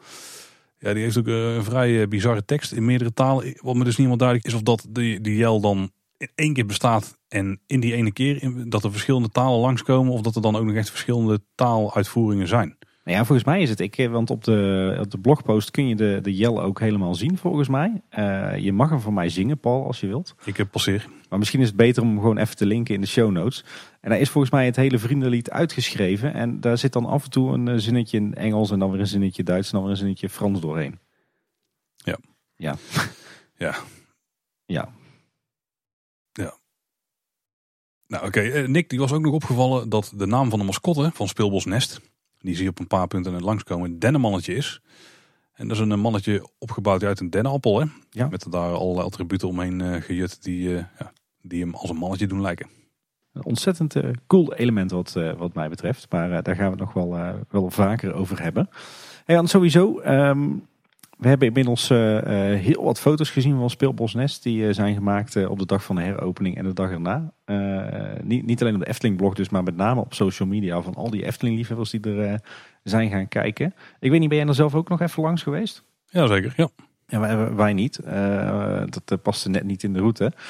We hebben er even over zitten twijfelen of dat we uh, nu alles gaan bespreken wat ons opvalt aan al die foto's en aan uh, het speelbos. Maar dat gaan we niet doen. We willen namelijk een speciale aflevering maken over Speelbos Nest uh, wanneer dat de speeltuin of het speelbos geopend is. Misschien zijn we wel bij de opening, wie weet. Dan gaan we echt alles helemaal tot in detail bespreken en gaan we ook uitgebreid onze mening geven over Speelbos Nest. Uh, maar het leek ons toch goed om uh, in deze nieuwsaflevering in ieder geval alvast een aantal uh, opvallende zaken te noemen. Die we hebben gezien bij Speelbosnest of op de foto's. Ja, wat natuurlijk opvalt bij het begin is een vrij drukke toegangspoort. En eigenlijk daarbuiten gebeuren ook wat vreemde dingen. ik moet er niet te veel mening in leggen, merk ik wel. maar ik, er lag een element daar en dat deed me meteen denken aan Super Mario. Of misschien zelfs wel de Teletubbies. Er liggen een paar kunstgrasheuveltjes. Kunstgras? Ja. En daarbuiten ook echt een knalgroen, zeg maar. Niks. Ja, je ziet ook gewoon duidelijk dat het kunstgras is. Ik dacht eh, dat de Efteling als waarde had dat ze altijd voor de eeuwigheid bouwden met authentieke materialen. Maar kunstgras is toch niet heel erg authentiek, geloof ik. Misschien heeft het inmiddels een uh, plek verworven op de lijst met authentieke materialen. Ik weet het niet. Ja, uh, we, hebben dus al, we, we, hebben dus al plastic looppaden op het parkeerterrein, een rubbervloer in een bos en nu ook nog kunstgras. Voor het bos, ja. Ja. Nou, mooi. Overigens, die, eh, die toegangspoort zelfs ook wel interessant. Uh, viel mij op dat daar vier schilden ophangen in uh, verschillende kleuren en uh, symbolen. En als je even goed kijkt, dan kan je daar de vier attracties uit halen. Die volgens mij ook een beetje de vier thema's zijn die terugkomen in het speelbos zelf. de Python, Joris en de Draak, begon 1898 en de Vliegende Hollander. En ik geloof dat iemand ook al een, een aardig geslaagde vergelijking maakte met, met, met de verschillende huizen op Hogwarts, op Zwijnstein, de school van Harry Potter. En verder ook nog een, een tof spandoek met aan de achterkant allerlei groeten in heel veel talen. En ook weer een aantal van die, die dennenmannetjes die op de poort zitten. Ja, die zie je op heel veel plekken in de speelbos terugkomen inderdaad. Nou ja, wat we hier dus terugvinden Tim, dat zijn de objecten die zijn gestolen uit het avonturendolof. Ja, die zijn gejut door de kinderen, dat is toch het verhaal? ja, nou, die zijn dan iets verder gaan jutten toch dan Ruigrijk. Maar de perkamentrol van Nest die is hier met nieuwe teksten erop geplaatst. Die, kon, ja, die stond voor aan het doolhof. Maar de sterrenkijker die is te vinden in het speelbos. Wat me ook nog opviel en best wel verraste is dat er ook een uh, souvenirkar is verschenen voor de ingang van uh, Speelbos Nest.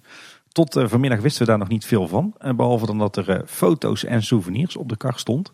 Dus het zou zomaar kunnen dat er ergens in Speelbos Nest of bij de ingang of in de speeltuin... dat er ook ergens een fotograaf komt te staan die foto's van de kinderen maakt.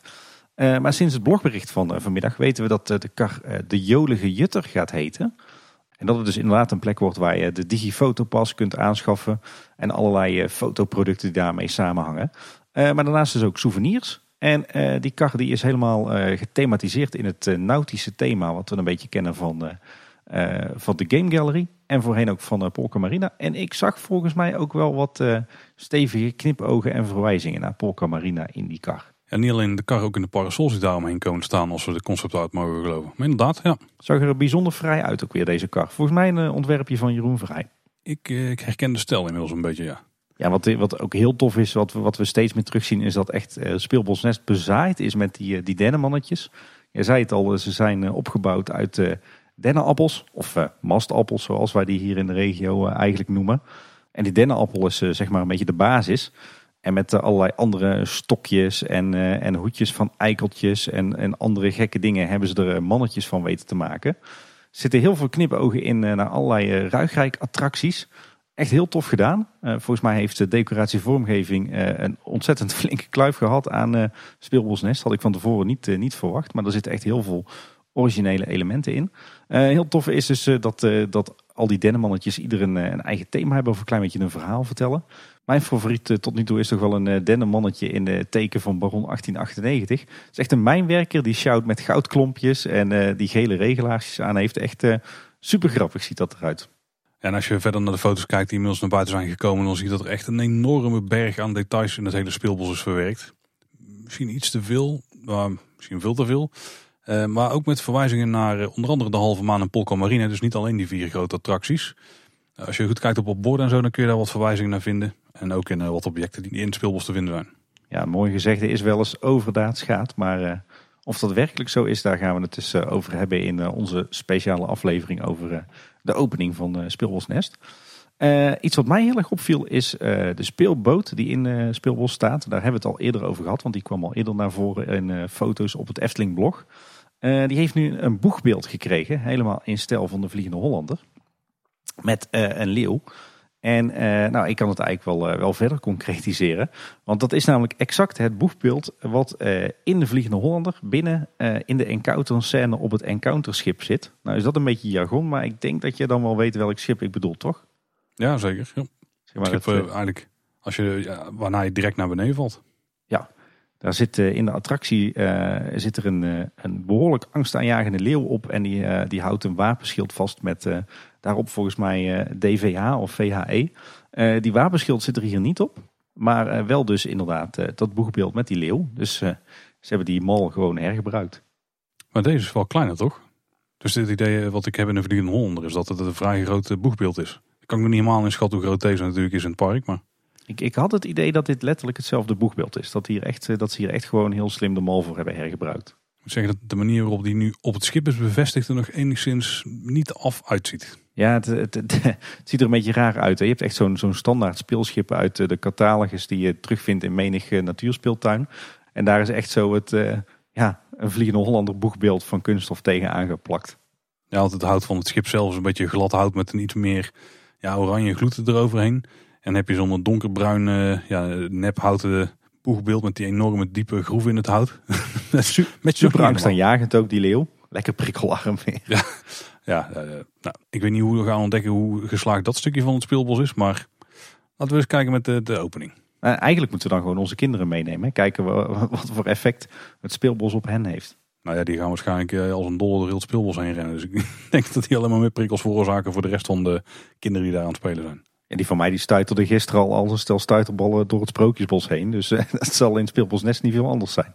Nou, we weten al dat er een hoop verschillende speelelementen in het speelbosnest komen. Maar er is ook een speelbord verschenen. Dus een bord waar je dus voor kunt gaan staan. en kun je allerlei zaken op bewegen. En daar zitten wat uh, verwijzingen naar Polka Marine ook in. Ook een van die plekken waar dat gebeurt. Dat is heel tof. Er zit ook een, eh, een zandbak in het speelbos. Een klein zandbakje. En die is in de vorm van een bootje marina. Wederom een, een hele mooie verwijzing. En wat mij nog opviel is dat het verwende nest, het horecapuntje is ook al zo goed als klaar. Is inderdaad vormgegeven als een soort van ja, wigwam of tipi tent. maar die schaduwdoeken die daar zijn aangebracht om, om dus te zorgen voor schaduw en beschutting ja, voor het horecapunt en misschien ook voor wat zitplekken. normaal gesproken zijn die gewoon in een effe kleur. Vaak zijn die beige of lichtbruin. maar hier zijn ze echt helemaal gethematiseerd. Ziet er best wel fraai uit. Nou goed, een, eh, een heleboel te zien dus in Speelbos Nest nu al. Uh, we hebben al behoorlijk wat weggegeven, maar nogmaals, uh, als we een speciale aflevering maken over het speelbos en de opening daarvan, dan gaan we echt alle details van voor tot achter bespreken. En, en dan zullen we ook eens een conclusie trekken wat we er nu eigenlijk allemaal van vinden. Ja, het speelbos Nest is bijna klaar, maar een stukje verderop in het park is een ontwikkeling bezig en die is nu, ik gok op ongeveer de helft van, van de werkzaamheden. En dat is natuurlijk Bekkerij Krumel. Want ja, nu kunnen die bouwwerkzaamheden lekker volgen. Nu we het park weer in kunnen. We kunnen er bijna met ons neus op bovenop gaan staan. Ja, heerlijk. Ik uh, weet nog dat uh, Anne en ik uh, gisteren strootjes hebben moeten trekken. wie van ons tweeën er met de oudste dochter meeging in Max en Moritz. Uiteindelijk verloor ik, maar dat vond ik helemaal niet erg. Want dan kon ik tenminste uitgebreid gaan neuzen bij Bekkerij Krumel. Ik heb daar eens even staan schuilen voor een regenbui. Toen kon ik ook op mijn gemakje vanaf de overkapping bij mevrouw Bolts Q geven. En kijken wat ze er allemaal aan het doen waren. Al waren de bouwlieden waren ook rustig aan het schuilen voor de regen. Kijk, dan uh, staat er nog niet te veel druk op de planning, denk ik. Nee, daar, lijkt het op inderdaad. Ik kwam trouwens ook uh, Jeroen Verheij hemzelf uh, tegen, die even polshoogte was gaan nemen bij, bij de werkzaamheden. En er gebeurt daar lekker veel. Het is echt een heerlijk ouderwets bouwproject. Ik ga daar echt heel hard op. Ehm, wat zien we zo al? nou, de, de houten hoofddraagconstructie van het gebouw die is helemaal klaar. valt op dat er echt ontzettend veel mooie details zitten in dat houtwerk. bijna houtsnijwerk. Uh, maar echt uh, geen enkele beëindiging van een houten balk is gewoon recht. Er zit overal wel een krul in of een, uh, een mooie afronding. Zelfs de gordingen van het, het dak die zijn, zijn heel mooi afgewerkt. tegen het gebouw aan is de, die serre gebouwd, hè, of die aanbouw waar je straks kan gaan zitten. Ook daar is de hele houtconstructie al van gereed. Lijkt over zo'n andere dakconstructie te krijgen dan dat we initieel zagen op de concept art. Want het leek zo'n ja, puntdak te worden. Maar volgens mij als ik het nu goed zie, dan loopt het dak gewoon schuin, schuin tegen het hoofdgebouw aan. Ja, klopt. Er waren uh, op een gegeven moment in die blogpost uh, een hele tijd geleden zaten twee uh, overzichtstekeningen. En één mhm. was wat gedetailleerder dan de ander. En daar zat ook al een verschil in.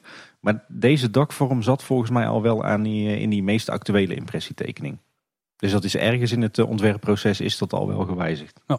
Houten hoofdconstructie van het gebouw, die zijn ze nou volop aan het invullen. Uh, zo zijn alle gordingen van het dak uh, al aangebracht. Dat zijn zeg maar de, de houten balken waar straks de dakpannen op worden aangebracht. maar ze zijn ook volop bezig met alle kozijnen en deuren.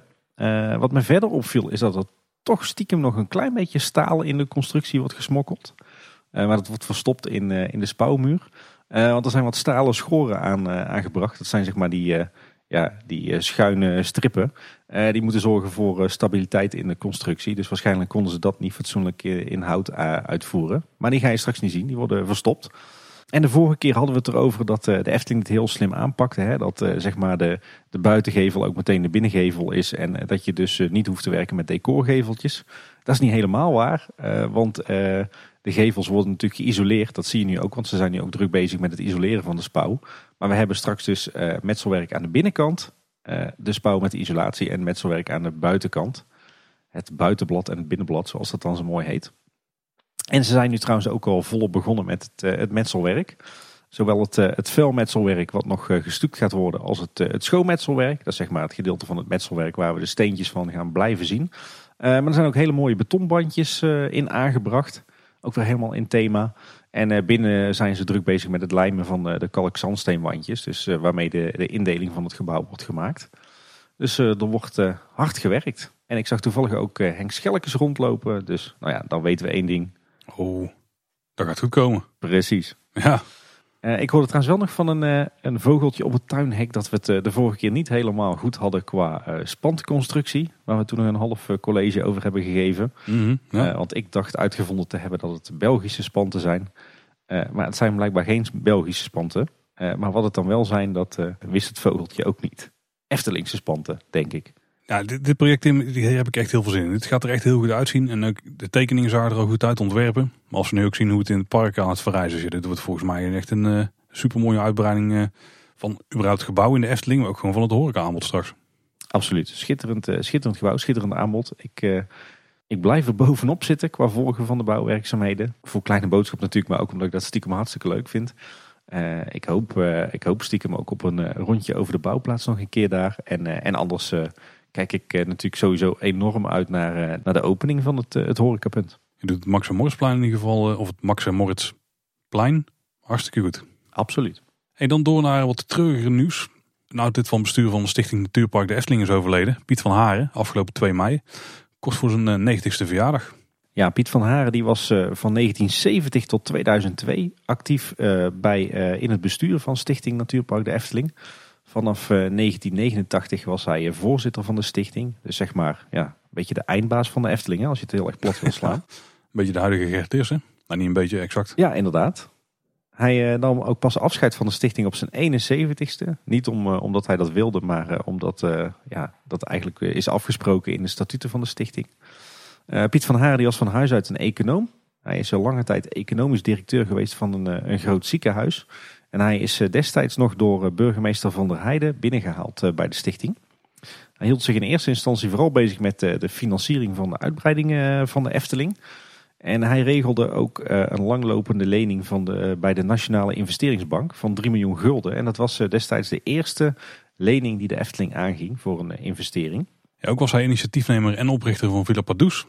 En ondanks zijn leeftijd is hij eh, altijd ieder jaar nog twee keer per jaar op bezoek gekomen daar. Ja, en het Brabants Dagblad publiceerde ook een eh, interview met uh, inmiddels oud-directeur Peter Persoon van Villa Padus. En die vertelde ook nog een mooie anekdote. Het plan om van hem een boksbeeld te plaatsen bij de ingang van Villa Padus vond hij maar niets. In plaats daarvan werd er een klein beeldje gemaakt van een trommelaar. Dat trommelaartje staat nu midden op de speelplaats met een klein naambordje erbij. Van Piet.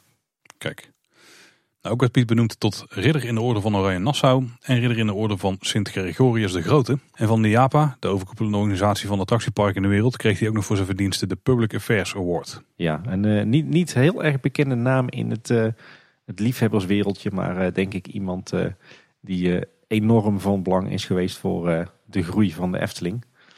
Piet van Haren. wil je nou meer lezen over Piet? Check dan even zijn lemma op Eftepedia. En maar je zet nog wat meer linkjes in de show notes over eh, zaken waar je iets mee te maken had. Zoals Philip Does natuurlijk en uh, wat artikelen die over hem zijn verschenen. Ja Paul, en dan uh, gaan we door naar het, uh, het gevreesde onderwerp iedere keer in onze nieuwsaflevering. Maar deze keer voor de verandering is een keer niet echt hè? Nou ja, weet je wat het is? Voor mijn gevoel begint echt het licht aan het einde van de tunnel zichtbaar te worden. Ik heb het idee dat we echt op dit moment met z'n allen de goede kant op gaan. Vaccinaties lopen, die gaan ook steeds harder. Dus ik heb er wel een goede hoop op dat het dus echt na dit jaar een heel eind voorbij is, alle ellende. Maar ja, dan riep ik misschien, uh, misschien hoopte ik ook heel erg dat in 2021 al grotendeels zo zou zijn. En misschien is het ook wel. Volgens mij heeft iedereen er hoop op dat eind na de zomer dat er dan toch wel weer heel veel moet kunnen op normale manier. En zeker als je kijkt naar de Verenigde Staten, hoe rap ze daar nou allerlei maatregelen aan het afschalen zijn, dan nou, biedt er in ieder geval perspectief. Ja, precies. Ik, ik hoop er ook op dat 2022 het eerste volledige normale jaar weer gaat zijn. Nee, we gaan het hebben over de coronacrisis en dan vooral natuurlijk de gevolgen daarvan uh, op de Efteling. De afgelopen tig nieuwsafleveringen was dat iedere keer een beetje een deprimerend blokje. Met vooral een opsomming van wat er allemaal niet goed ging en uh, wat er allemaal heel erg vervelend was. En uh, dat we de Efteling o zo misten. Maar deze keer gaan we het vooral over leuke dingen hebben. Ja, en dat komt allemaal natuurlijk door wat we al een beetje aanvoelden komen. Maar het verlossende woord daarvan kwam op de persconferentie van 11 mei. Toen werd dadelijk gemeld door de overheid dat pretparken, dierentuinen, natuurparken, kinderboerderijen, buitenspeeltuinen, minigolf, klimbossen en openluchtmusea en theaters open zouden mogen vanaf 19 mei. Maar wel met een paar voorwaarden. Het was belangrijk namelijk daarbij dat de bezetting van de ziekenhuizen zou blijven dalen. En daarom viel het besluit om die gelegenheden daadwerkelijk te openen pas op 17 mei definitief.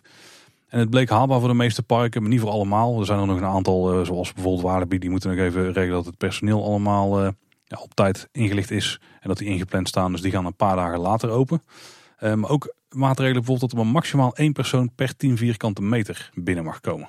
Ja, en daarbij telt dan alleen het voor uh, het publiek toegankelijke oppervlak mee in de buitenlucht. En Paul, jij bent de man van de cijfers. Wat, wat betekent dat dan voor de Efteling? Ja, dat is dus eigenlijk geen pijl op te trekken. Want kijk, technisch gezien is bijvoorbeeld de Siervijver ook een publiek toegankelijk stuk buitenterrein van de Efteling. Maar ja, praktisch gezien gaat er natuurlijk niemand staan.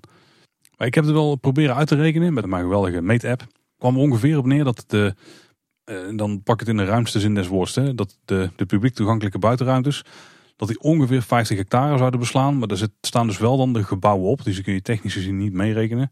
Nou, dan kunnen we misschien aannemen dat daar dan dus 10% van afvalt. Ja. Dus dan blijft er nog 45 hectare over.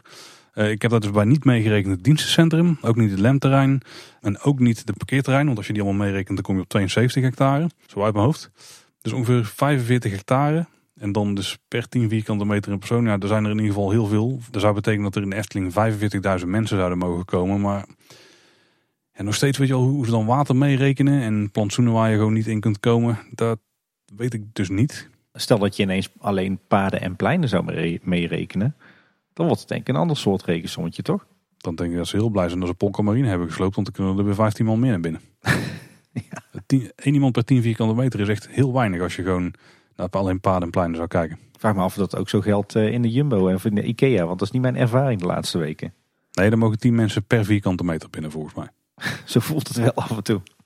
Dat is dan net andersom. Het is een beetje vreemd, maar in ieder geval de Efteling communiceert zelf dat het 50% van de maximale capaciteit die maken gesproken op die dag zou hebben.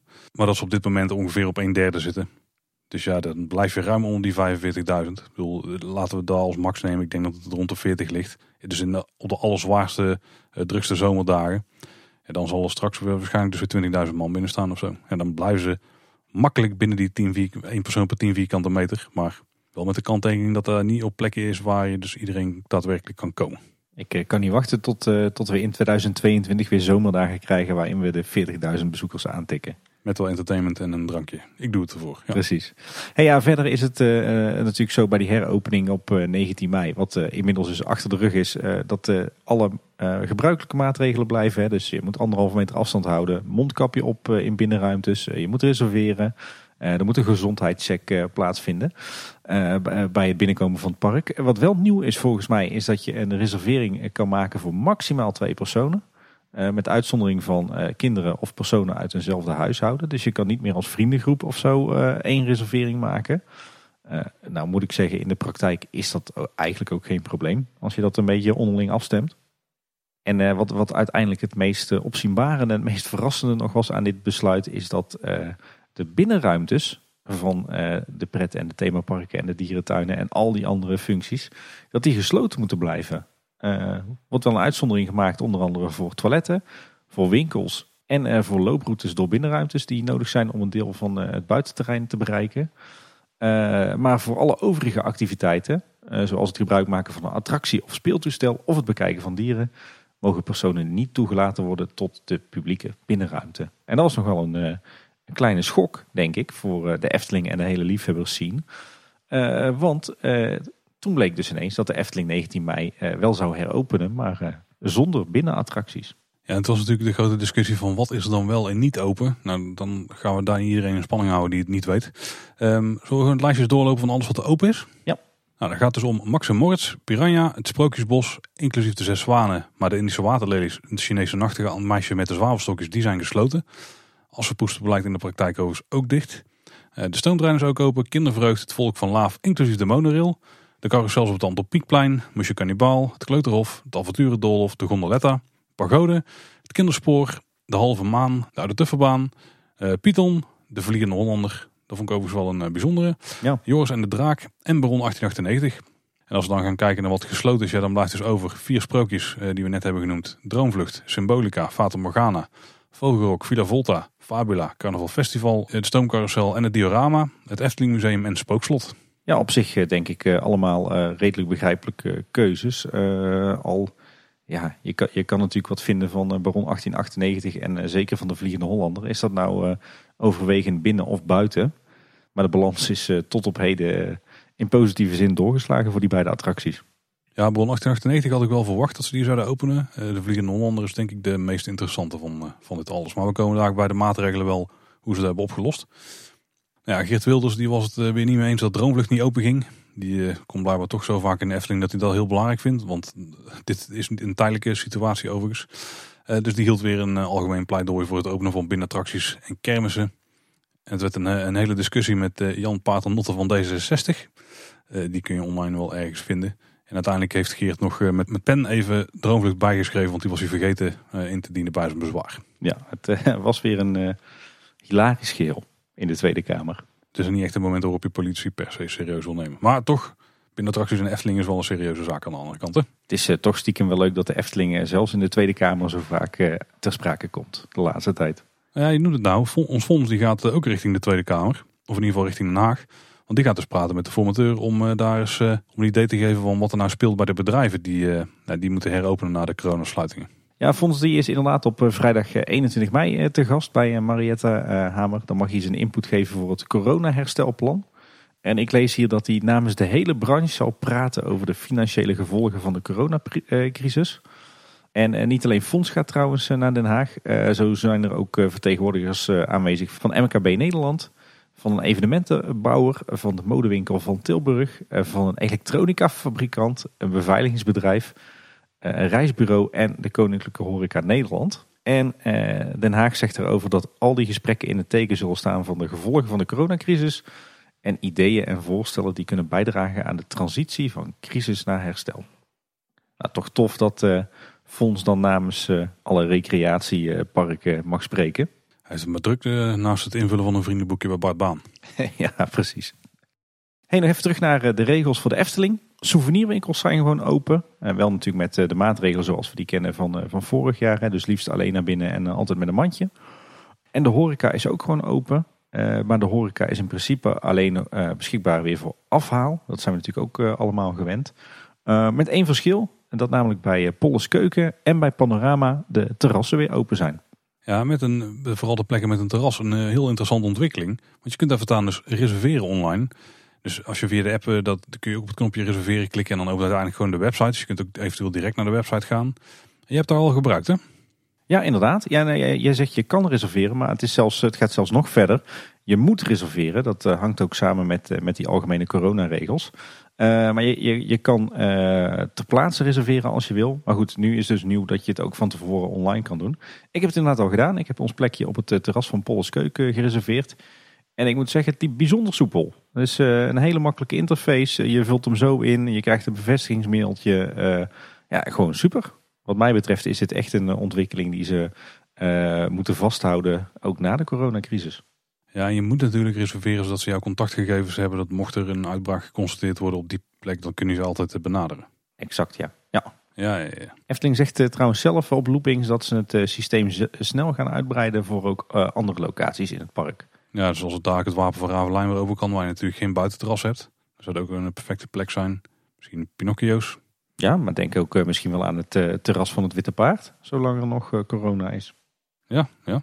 En dan door naar het entertainment. er is wel wat entertainment. Dat vond ik ook vrij verrassend overigens. Aquanura op zich niet. Die draait in ieder geval om kwart over zes iedere dag. En soms om kwart over zeven als het park langer open is. Ravelijn gaat ook geopend worden. Vanaf 1 juni. Dat wordt op dit moment nog flink gerepeteerd. Dus die zijn nog niet helemaal klaar om open te gaan. Daar gaan we al die nieuwe Volting Riders zien. Of hoe heette die... Ja, nee, inderdaad, goed gezegd. En het valt me ook op dat, eh, dat de laatste dagen dat er ineens eh, weer volop uh, Franse autootjes rondcrossen uh, hier in de omgeving. Die mensen hebben ook honger, hè? ja. Ja, en verder uh, is Pardoezel dus bij de opening van het park. de Efteling-figuren die staan weer op het Dwarrelplein in de kiosk. En tot 28 mei is er ook weer van alles te doen in het Openluchttheater in het Sprookjesbos. daar kun je namelijk of de Sprookjesboomshow gaan zien... Of een solo voorstelling van Joki of van Jet. En wij zijn gisteren, of ja, woensdag dus eigenlijk, naar een voorstelling van Joki geweest. Er zijn op dit moment dus veel binnenattracties dicht. Maar mogelijk zijn er vanaf 9 juni verdere versoepelingen. En dan zouden die binnenruimtes ook open mogen. En er gaan zelfs stemmen op dat het misschien zelfs nog eerder is. Als de ontwikkeling van de cijfers ja, eigenlijk de positieve lijn blijft vasthouden die het nu heeft. Het is niet helemaal duidelijk of dat het dan met of zonder verplichte toegangstesten is. Ja, ik denk dat als het met is dat het de Efteling dan gewoon passeert. En wat het dan zal betekenen voor indoor-pretparken, want die zijn natuurlijk nu ook helemaal gesloten. En ook de Hal van Toverland bijvoorbeeld, eh, musea en theaters. Ja, dat is nog even afwachten. Ja, er, er nu natuurlijk echt een heel hardnekkig gerucht uh, dat het met een beetje geluk 2 juni is. Hè, dat de indoorlocaties uh, open kunnen. Dus dan hebben we het zowel over de binnenattracties van de Efteling als over de indoorparken en de musea. maar ik denk inderdaad, als dat zou betekenen dat, dat dat alleen mag als er gewerkt gaat worden met de verplichte toegangstesten, dan denk ik dat, dat maar weinig locaties daaraan gaan meedoen. Want ja, er is de afgelopen maanden duidelijk geworden dat er vrijwel geen bereidheid is om mee te doen aan dat soort toegangstesten voor een dagje uit. Dus dan denk ik dat de Efteling het inderdaad aan zich voorbij laat gaan. En dat de indoor attracties nog wel wat langer gesloten blijven. Maar laten we hopen dat er op 2 of anders op 9 juni een dusdanige versoepeling is dat, dat ook alle indoor attracties weer open kunnen. Nou, en ik moet zeggen, na een dagje zelf mee te hebben gemaakt hoe het nu gaat. Ja, het is eigenlijk prima. Hè? De Efteling is nog steeds een heel mooi park met alleen de buitenattracties. En de maatregelen, ja, het is vrij vergelijkbaar met hoe het voor eh, de sluiting was. Ik heb wel het idee dat op iets meer plekken, zoals bij overkapping en zo aangeven, dat je je mondmasker bijvoorbeeld moet opzetten. En wat me vooral opvalt is dat veel meer mensen dat doen dan voor de, eh, de laatste lockdown. Ook omdat het toen heel, het maskerdragen heel erg is opgekomen. Ja, ik denk dat mensen het nu vooral ook, uh, nog even los van die bordjes dan. Ik denk dat mensen het vooral ook gewoon heel erg gewend zijn. Ja. Het is nu de normaalste zaak van de wereld en dan was het vijf maanden geleden nog niet. Dat helpt enorm. Ja, ik moet zeggen, uh, natuurlijk mis ik de, de binnenattracties. Ik bedoel, ik doe een moord voor een rondje Fata Morgana of een ritje Villa Volta. En hier thuis de meiden die missen Carnaval Festival vooral ook heel erg. Hopelijk luistert de politie niet mee, maar... ja, maar uh, ik moet zeggen, ik eh, vind deze, deze opening ook wel prima te doen hoor. Uh, sowieso iets is beter dan niets, is mij altijd aangeleerd. en ja, volgens mij roepen wij zelf ook al maanden van joh, doe de Efteling maar gewoon open, bij wijze van spreken als wandelpark zonder attracties. Dat ging misschien wel heel erg ver. Maar zo'n heropening met alleen buitenattracties, ja wat mij betreft is het een prima tussenstap hoor. Ik, ik kan mij hier nog weken vermaken als het moet. Ja, ik, ik zie het eigenlijk als een soort van ja, periode van soft opening. Of een soort van, van proefperiode om langzaam maar zeker ja, de Efteling weer een beetje op te starten en op, op stoom te brengen. Nou, ik weet niet hoor. Ik vind dat je nog echt wel de Efteling ervaring gewoon krijgt op zo'n dag. En natuurlijk, de dark rides zijn heel erg belangrijk in het aanbod van de Efteling. En die mis je dan. Maar er zijn ook dagen, ja, misschien praat ik dan makkelijk als abonnementhouder. Maar er zijn heel veel dagen waarbij ik die binnen attracties ook niet doe. ook al ben ik gewoon een halve dag in het park. Nee, nou, ik, maar dan denk ik dat we heel erg vanuit onszelf redeneren. Hè? Ik bedoel, uh, wij zijn al, uh, ik, ik ben dolgelukkig met het feit dat de Efteling open was. En ik uh, zeg al, ik heb afgelopen woensdag de hele dag in een soort van good trip rondgelopen. Alsof ik zwaar aan de, ja, waar zit je dan aan? De paddo's zit of zo. Maar ik denk dat, ik denk dat de, de, de, de gewone Truus uit Delft misschien nog wel makkelijk zegt van... nou, wacht maar even tot, tot de Droomvlucht en de Fata Morgana ook gewoon open zijn. Dus, ja, snap ik ook wel. Dus dat is misschien negatief. Ik denk dat, dat dit niet goed is voor de, de verkoop van reguliere tickets. Maar uh, nou ja, voor ons als liefhebbers is dit, is dit perfect. Of nou ja, niet, misschien niet perfect, maar het, is binnen, binnen wat nu mogelijk is, is, dit, is dit heel goed.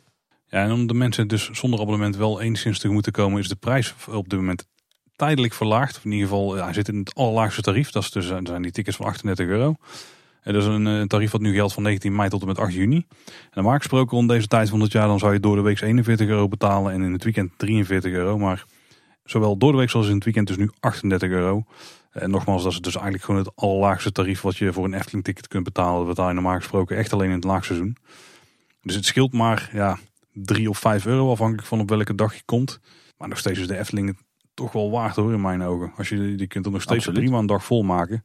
Maar ik heb er ook gewoon respect voor als je ervoor kiest om even te wachten totdat het volledige aanbod er weer is. Of het, bijna volledige aanbod. Ja, de Efteling die gaf zelf ook al aan dat ze er uh, sterk rekening mee houden. Dat, uh, dat voorlopig vooral abonnementhouders en verblijfsgasten op uh, bezoek komen. Hè. Dus de Efteling ziet dat zelf ook wel in. Maar ik vind het toch een heel sympathiek en chic gebaar dat ze de toegangsprijs toch enkele euro's verlagen. Ja, en als we dan even kijken naar de aanloop van de heropening. Daar heeft de Efteling wat over gecommuniceerd. Ze melden zelf dat de rood-witte tapes vervangen door geschilderde lijnen. Heb ik op veel plekken wel gezien, ja. Op veel plekken hebben ze gewoon houten latten geschilderd en die op bestaande meandering of elementen geplaatst. Ziet er netjes uit. Ja. En de tape heb ik op heel veel plekken niet meer gezien inderdaad. Op een paar plekken zit het nog op de grond. Ja, maar die is ook al grotendeels vervangen door geschilderde lijnen hoor. Grotendeels inderdaad geschilderd, ja. Dus dat is een, is een kwalitatieve verbetering. Want die tapestukken die werden heel snel heel vies, eh, was vorig jaar wel gebleken. Ja, ja lieten snel los ook. Ja, en verder was het, eh, was het vooral ook een blogpost wat een beetje inzicht gaf in, in wat er de laatste dagen voor de heropening gebeurde. Hè. De, eh, de kassasystemen werden getest. De attracties die, die gingen allemaal wat langer draaien. Die kregen als het ware een stresstest. En verder werd natuurlijk volop eten en drinken ingekocht. Wat wij vervolgens weer geconsumeerd hebben de afgelopen dagen, of in ieder geval gisteren. En het, uh, het entertainment uh, dat houdt audities en repeteert de shows. En met succes, want het uh, entertainment was van prima niveau gisteren. Ja, toch is bij de inkoop wel fout gegaan, maar ja, ze moeten gewoon even de goede shortcakes kopen. De keuze van de shortcakes, ja. Nou, ik kan je zeggen, de Red Velvet cakes, die waren wel nog steeds van subliem niveau. Je hebt aardig wat calorieën binnengeladen en euro's uitgeladen. woensdag. Maar ook flink wat stappen gezet. Dus daar compenseert enigszins misschien. Dat is zeker waar. Ik ben toch lichter naar buiten gegaan. Soort van. Qua portemonnee wel, ja. Maar dat is goed, hè. we moeten nu vooral heel veel geld uitgeven in de Efteling. Nou ja, we hebben het over de compensatie en die is inmiddels dus bekend. Uh, op 19 mei is die uh, bij iedereen uh, bijgeschreven op de pas. Je hebt er als goed ook een aantal mailtjes over gekregen als je een abonnement hebt. betaal je nou per maand, dan heb je ongeveer 92 euro bijgeschreven. Volgens mij exact 91,70 euro. En als je daar een parkeerabonnement bij hebt, dan heb je daar nog 17,84 euro extra bij gekregen. Betaal je nou per jaar, dan heb je 82 euro ongeveer bijgeschreven gekregen. Ja, ik geloof dat wij als gezin hier ruim 300 euro te goed bijgeschreven hebben gekregen. Nou, bij mij was het een beetje spannend, want in eerste instantie zag ik het bijgeschreven zien worden bij ongeveer iedereen behalve de jongste dochter. Maar toen dacht ik van ja, dat klopt wel, want toen heb ik nog eens teruggezocht. En haar abonnement is afgesloten volgens mij twee of drie weken voor de sluiting. En in de eerste paar maanden van je abonnement betaal je natuurlijk maar de halve prijs. En de allereerste betaling die pin je te plekken aan de kassa. Ik denk, hebben die nou de afgelopen maanden helemaal niks afgeschreven. Maar toen kregen we even later toch nog een melding dat uh, ook op haar pas nog iets van 75 euro was bijgeschreven. Dus er zullen dan die uh, drie halve maanden af zijn gehaald of zo. Ik heb het zelf niet eens uitgerekend, ik geloof het allemaal wel. Dus, uh, dus ook daar hebben ze wel over nagedacht. Het is niet dat iedereen klakkeloos dat erbij krijgt. Het is toch een vrij slim systeem achter. Ja, ja en flinke bedragen hè, die we nou te besteden hebben. Ja, wij, bij ons gaat het richting de 400 euro, ja. Ja, dat hebben we dan nu niet meer al, maar... Ja. Nou ja, de, de clue is natuurlijk dat je zo snel mogelijk je abonnementhouders te goed er doorheen moet jagen. Want uh, pas als je werkelijk weer gewoon zelf gaat, uh, gaat betalen, dan uh, heeft de Efteling er echt wat aan qua financiën. Maar goed, tot die tijd moeten we er natuurlijk ook vooral van genieten. overigens heeft de Efteling zelf gecommuniceerd dat de compensatie stopt bij de heropening. maar als je dan onder veel gestelde vragen kijkt op de Efteling website, dan is daar weer te lezen dat uh, er ook nog wordt gekeken of uh, er ook nog gecompenseerd gaat worden voor de periode waarin de Efteling open is met de binnenattracties dicht. Hm. Dus daar is blijkbaar nog wat uh, onduidelijkheid over intern. Ga er niet van uit. als ze het kunnen laten, dan zouden ze het niet doen, denk ik. Maar wie weet. Voor mij hoeft het niet. Voor mij is een dagje Efteling zonder binnenattracties ook gewoon een volwaardig dagje plezier. Ja, zeker voor de abonnementhouders. En, en escapisme, daar hebben we het eigenlijk ook nog helemaal niet over gehad. Maar ik moet zeggen, de, de sfeer was wel dusdanig goed in het park uh, woensdag. Dat ik uh, echt voor mijn gevoel echt even helemaal weg was uh, weer uit het leven van alle dag. En weg uit de coronacrisis. En echt gewoon blij en gelukkig en opgelucht en opgetogen rondhuppelde. Ja, wat ook heel erg hielp is dat de laatste keer dat we in het park waren. Het was natuurlijk al winter. Blaadjes van de bomen waren al verdwenen. Natuurlijk een beetje het gouden sfeertje wat er dan hangt wel met de, de warme lichtjes en zo. Maar nu kwam je het park weer binnen en alles was in één keer echt gewoon knalgroen. Overal blad aan de bomen, alle, alle perken weer netjes gemaaid, alle bossages netjes bijgewerkt. Ja.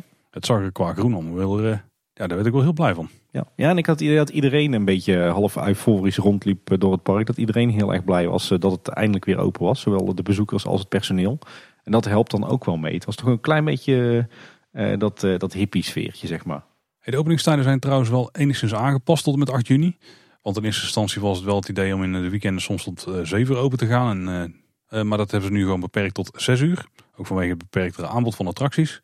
Ja, alhoewel ik dus uh, woensdag in de praktijk uiteindelijk ook pas om 7 uur richting de uitgang liep. Maar dan is de clue dus, boek vooral een, een laat tijdstip bij Polleskeuken op het terras. En je plakt nog een extra stukje aan je Eftelingdag. mocht je dan in die weekenden willen gaan, ja, die zitten al vrij ver volgeboekt. En de Efteling zegt daarbij zelf dat zeker de helft van de boekingen uit abonnementhouders bestaan. Maar er zijn misschien nog wel last minute plekken beschikbaar. Dus check even op de dag van tevoren of dat er voor die dag daarna last minute plekken zijn. Wie weet heb je geluk. Ja, ik heb de indruk dat, uh, dat op de heropeningsdag dat uh, misschien wel 90% abonnementhouder was.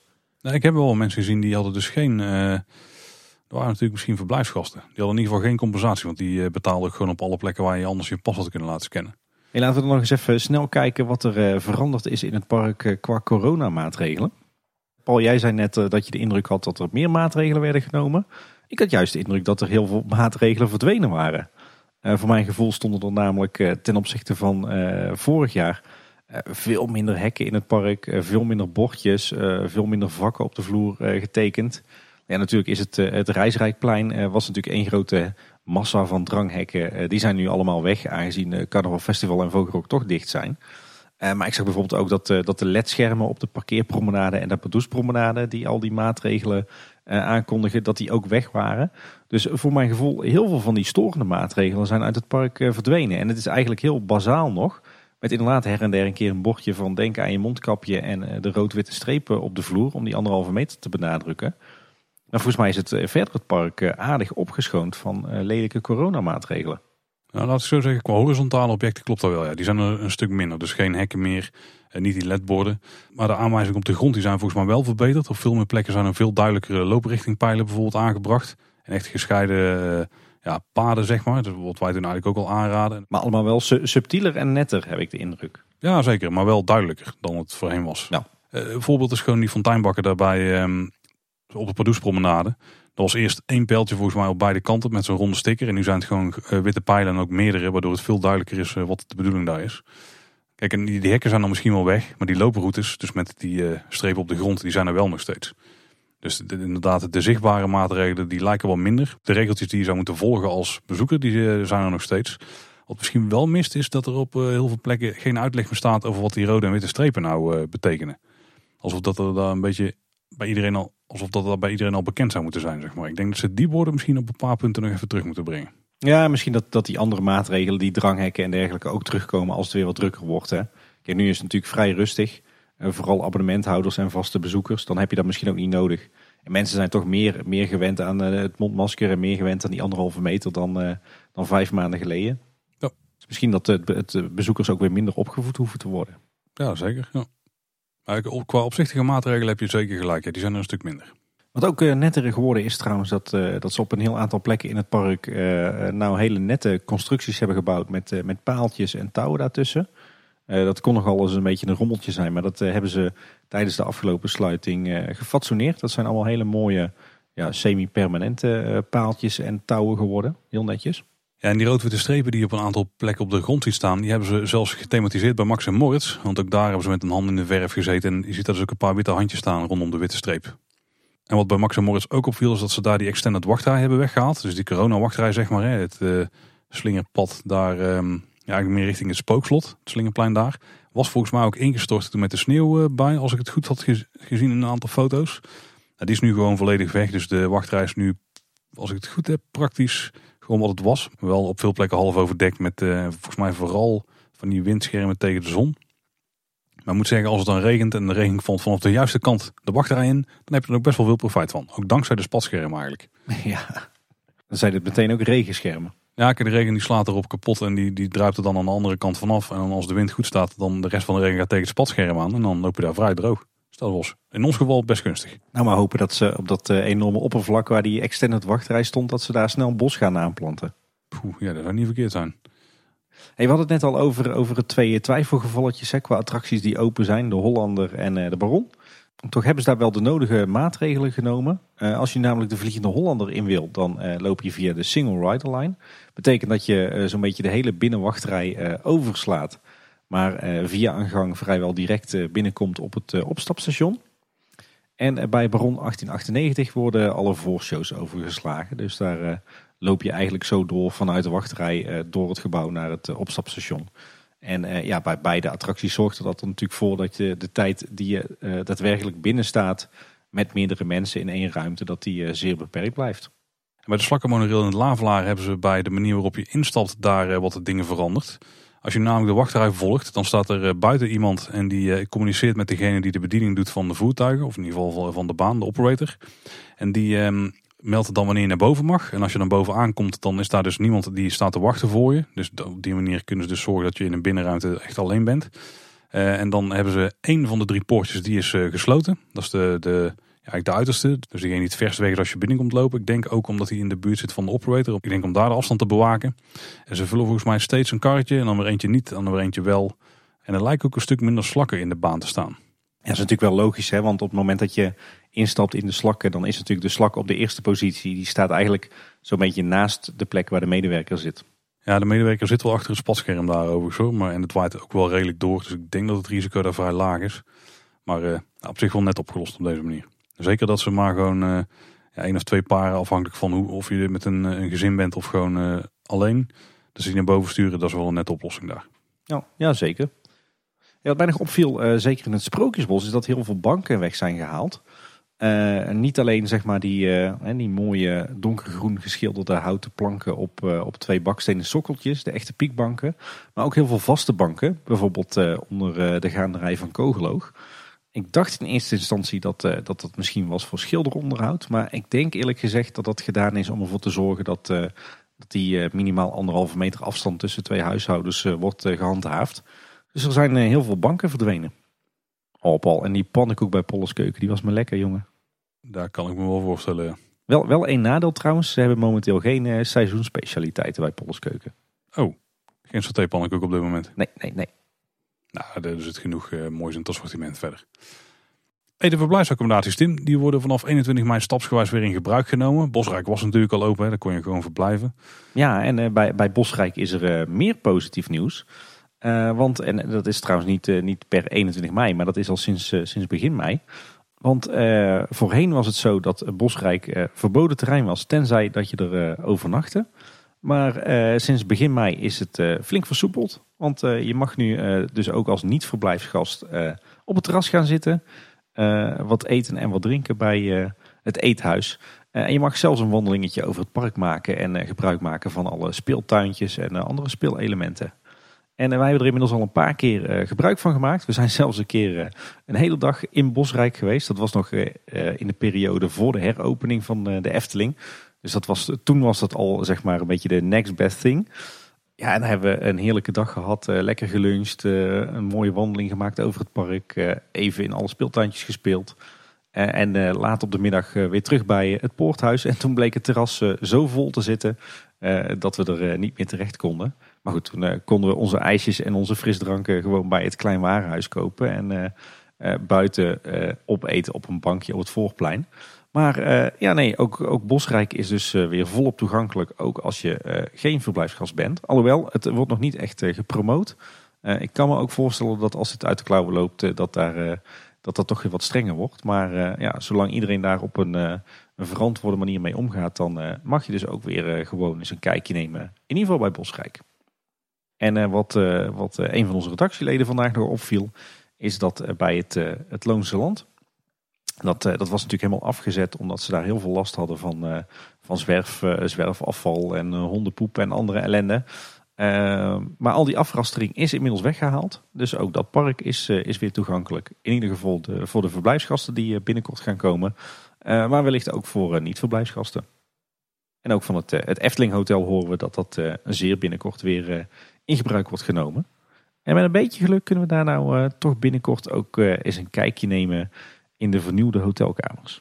Maar daarover hoor je later vast meer.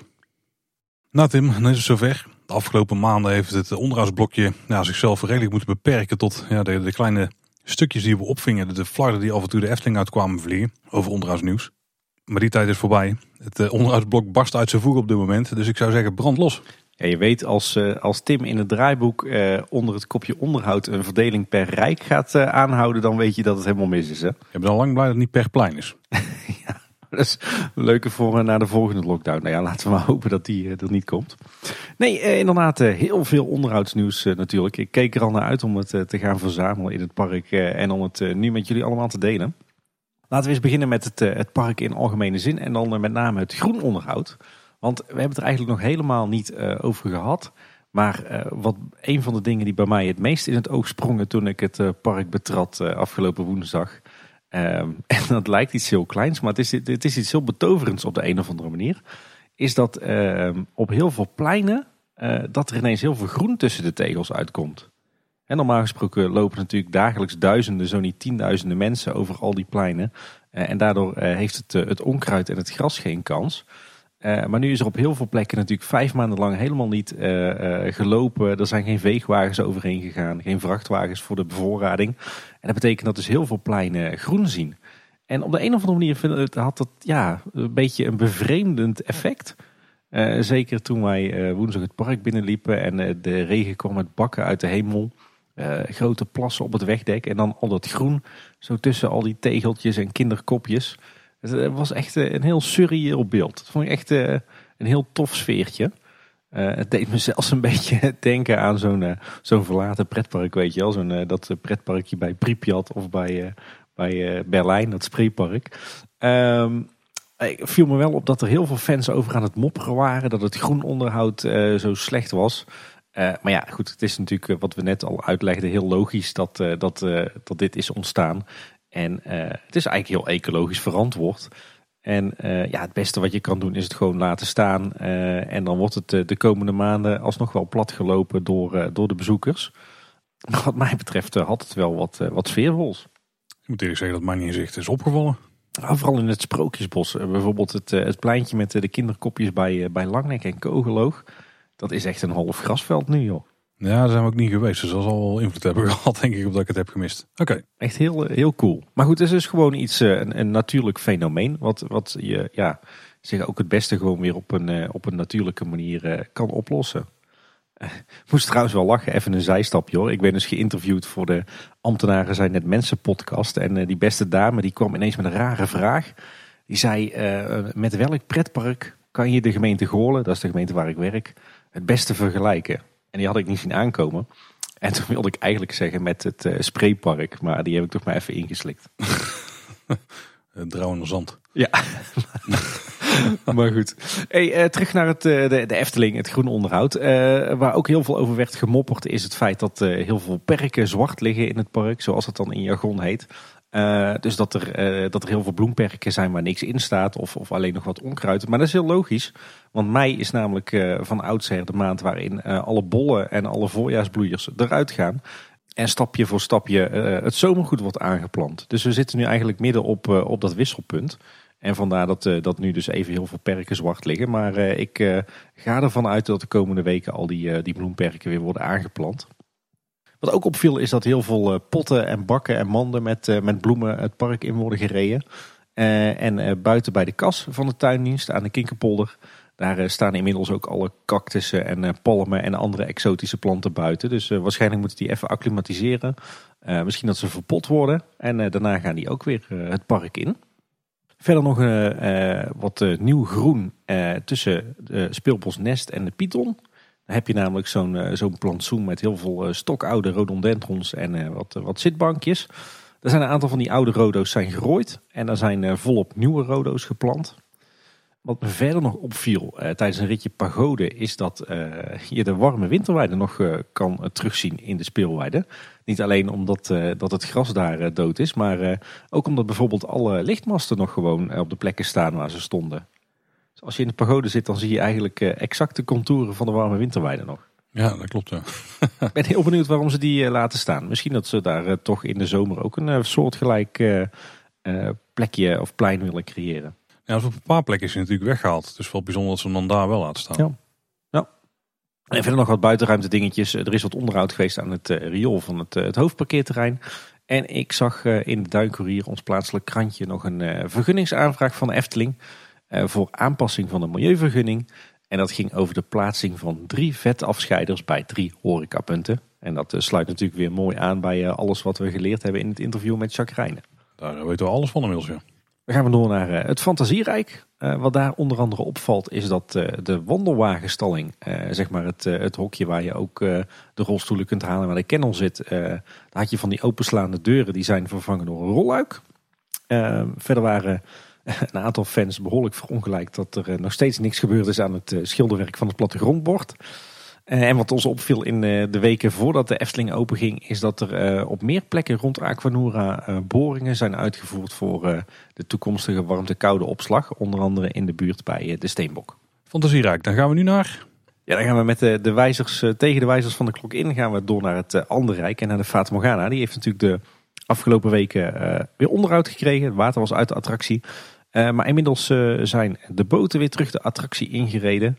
En dat lijkt niet helemaal uh, zonder slag of stoot te zijn gegaan. Want plotsklaps vorige week zag ik ineens een grote palmboom buiten liggen. Naast de roldeur die normaal gesproken wordt gebruikt om de bootjes de attractie terug in te rijden. En dat was geen echte palmboom, dat was een, een palmboom uit de attractie. ik vermoed eentje uit de havenscène. Ehm, en ik denk eerlijk gezegd dat die, eh, dat die aangereden is bij het, eh, het terugplaatsen van de boten door, eh, door de verrijker. Ja. Kunnen we nu natuurlijk niet, niet controleren, want de attractie is dicht, hè, want het is een binnenattractie. maar dat is toch een jammerlijk schadegevalletje. Want het is natuurlijk zonde als het decor wordt beschadigd. de vrienden van Loopings die hebben nog even nagedaan, navraag gedaan bij de Efteling hoe dat zit. En de Efteling die reageerde dat de onderhoudsbeurt die de afgelopen week is uitgevoerd... vooral gericht is op technische werkzaamheden in de vaargul... die voor de gast niet te zien zijn. Nou, ik neem aan dat het dan gaat om de draaischijven en de, de staaldraad in de vaargul. En dat hebben ze gedaan zodat de attractie later dit jaar niet meer dicht hoeft... En uh, Loopings heeft ook specifiek gevraagd naar de palmboom. En de Efteling zegt daarover, de verwijderde palmboom moet vernieuwd worden. Het decorstuk keert in ieder geval niet terug voor de eerstvolgende grote renovatie van Fata Morgana. Dus dit jaar in ieder geval niet. Dat is natuurlijk aan de ene kant wel begrijpelijk, hè, want ik kan me voorstellen dat het water uit de attractie moet om uh, die palmboom uh, goed te vervangen of te repareren. Aan de andere kant is het natuurlijk wel zonde, want er, zijn, er is al stiekem best wel een waslijst met allerlei defecten in Fata Morgana die telkens maar niet, uh, niet opgelost worden. En als je die defecten los van elkaar ziet, dan zeg je ja, zeg je, ja dat maakt toch niet zoveel uit. Maar als je ze allemaal bij elkaar optelt, dan heeft dat stiekem toch wel een negatieve impact op de beleving in de attractie. Maar goed, één palmboom minder in de Fata. Laten we daar niet een te groot issue van maken. En als je bij Max Moritz door de wachtrij heen loopt, dan heb je natuurlijk wel scheetkusorgel, dat werkt gewoon nog. Maar de boomkanaler die werkt niet, die is onklaar gemaakt. Die is gedeeltelijk gemonteerd en er zit een redelijk professorische vuilniszak overheen met wat tape om het allemaal uh, een beetje af te dekken. Zou, zou die kapot zijn of zou het een coronamaatregel zijn? Het scheetkussenorgel werkt wel nog steeds. Dus waarom dit dan een coronamaatregel zou zijn, dat weet ik niet. Ik ben bang dat hij gewoon defect is. Hmm. Zonde. Overigens werkt het watereffect wel gewoon. Want als je dan langs gaat met uh, de voertuigen, dan uh, knalt hij gewoon nog lekker. Kijk. Was dat de, de plofpot of wat was het? Ja, plofpot inderdaad. Goed opgelet. Dat, dat blijft goed hangen allemaal. Ja, een stukje jargon. Hey, en dan, uh, dan de Piranha. Daar is natuurlijk ook het een en ander gebeurd aan onderhoud en ook het een en ander niet gebeurd. Uh, ik had het geluk dat uh, mijn beide dochters inmiddels groot fan zijn van die attractie. Je hebt het trouwens ook kunnen horen bij Team Talk als je goed hebt opgelet. Ja, aangezien wij toch inmiddels volledig waterdicht ingepakt waren, hebben we maar een paar ritjes in de Piranha gemaakt. Was trouwens ook ooit nog eens een, een pro-tip in onze aflevering met tips voor een regenachtige dag in de Efteling, zit ik me net te bedenken. Toch goed dat we dat zelf dan ook daadwerkelijk praktiseren. Maar goed, we zijn dus in, in de Piranha geweest. Even goed opgelet. en inderdaad, er zijn een aantal rotspartijen verdwenen. Met name eigenlijk op het stukje na de grote loopbrug. Daar heb je aan de linkerzijde is een, ja, toch een behoorlijke rotswand weggehaald. en verderop in de attractie op één of twee punten ook nog een paar kleine, kleine rotsen. Maar ik moet zeggen, ik heb echt heel erg hard mijn best moeten doen om, om het te zien. En ik denk eerlijk gezegd dat de, de, gemiddelde bezoeker en zelfs de gemiddelde abonnementhouder het nog niet eens in, in de gaten heeft. Want de manier hoe ze dit tijdelijk hebben opgelost is wel heel fraai. Wat ze namelijk hebben gedaan is die plekken waar, waar rotsen stonden, hebben ze netjes op de vaargul nog een stukje muur gemetseld met van die mooie keitjes erop. Dat is ook allemaal gewoon netjes geschilderd. Nou, daarachter hebben ze mooie plantsoenen gemaakt uh, met allerlei exotische beplanting. Daar liggen stenen in, daar liggen grote keien in. Uh, dat hebben ze echt super mooi gedaan. Boomstammetjes. Het ziet er echt uit alsof het altijd al zo had moeten zijn. Ik snap wel wat je bedoelt, maar toch, zo'n rots is toch wel wat meer dan, een, ja, dan alleen wat boomstammetjes en wat stenen die ze neer hebben gelegd. De laatste is toch wel meer wat Toverland doet, of heeft gedaan zelfs letterlijk. En die oranje rotsen die horen wel echt bij die piranha. Hè? Ja, ja, ja, aan de ene kant zou je zeggen van wel. Ik hoorde ook van meer liefhebbers die zeggen van ja, je hebt die rotsen nodig om, om toch ook een bepaald dat, hè, dat, uh, dat spannende gevoel te creëren. Aan de andere kant, uh, ik moet zeggen zoals het nu is uitgevoerd, is het thematisch is het denk ik zelfs mooier dan, dan, dan die grote papier-maché rotsen uh, die niet heel erg realistisch zijn. Nee, die waren niet altijd best wat dat betreft. Maar goed, we, we, weten dat Efteling nog op termijn nieuwe rotsen gaat bouwen. Maar ik moet zeggen, hoe ze het nu hebben opgelost is toch wel, wel heel erg fraai.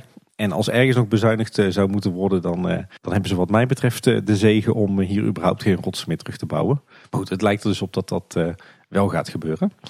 iets anders wat nog opviel bij de Piranha op het, het eiland bij de Rode Zee. dat is de plek zeg maar, waar je over het algemeen vaak een tijdje stil ligt te hotsen en te klotsen. bij de golfslagmachine. Er staan een aantal grote naaldbomen. En eentje daarvan die is echt volledig gekortwiekt. Er is niks anders meer van over dan de stam. Alleen boven in de boom zitten nog een paar toefjes groen. Dus ik denk dat die boom ziek is of bijna dood. Maar dat ze hem toch proberen te redden. Maar het ziet er heel raar uit. Echt een hele hoge kale stam met bovenin een toefje groen. En wat me tot slot trouwens ook nog opviel is, en dat is op zich niet nieuw. Maar ik weet dat, dat, dat voorheen dat, zeg maar de, de ruimte waarin je uit het water wordt, wordt getakeld hè, op die, die grote loopband uh, terug het opstapstation in. Dat was vroeger altijd een hele lelijke utilitaire ruimte. Met gewoon van die kale kalk muren en heel veel staal en noodtrappen en heel veel techniek. Uh, er is de laatste tijd best wel veel in geïnvesteerd. En ik moet zeggen, hoe het er nu bij ligt, is het gewoon een hartstikke mooie thematische ruimte. Met, met mooie doeken in thema, met, met wat aankleding, met allemaal netjes geverfd en opgeruimd. Dus ik moet zeggen, het opstapstation van de Piranha ziet er toch ook best fraai uit.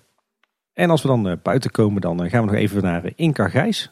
die is vorig jaar is die uitgeschakeld. Ze hebben toen zelfs een, een ja, stukje gaas voor zijn, in zijn mond gespijkerd om ervoor te zorgen dat niemand er meer gebruikte.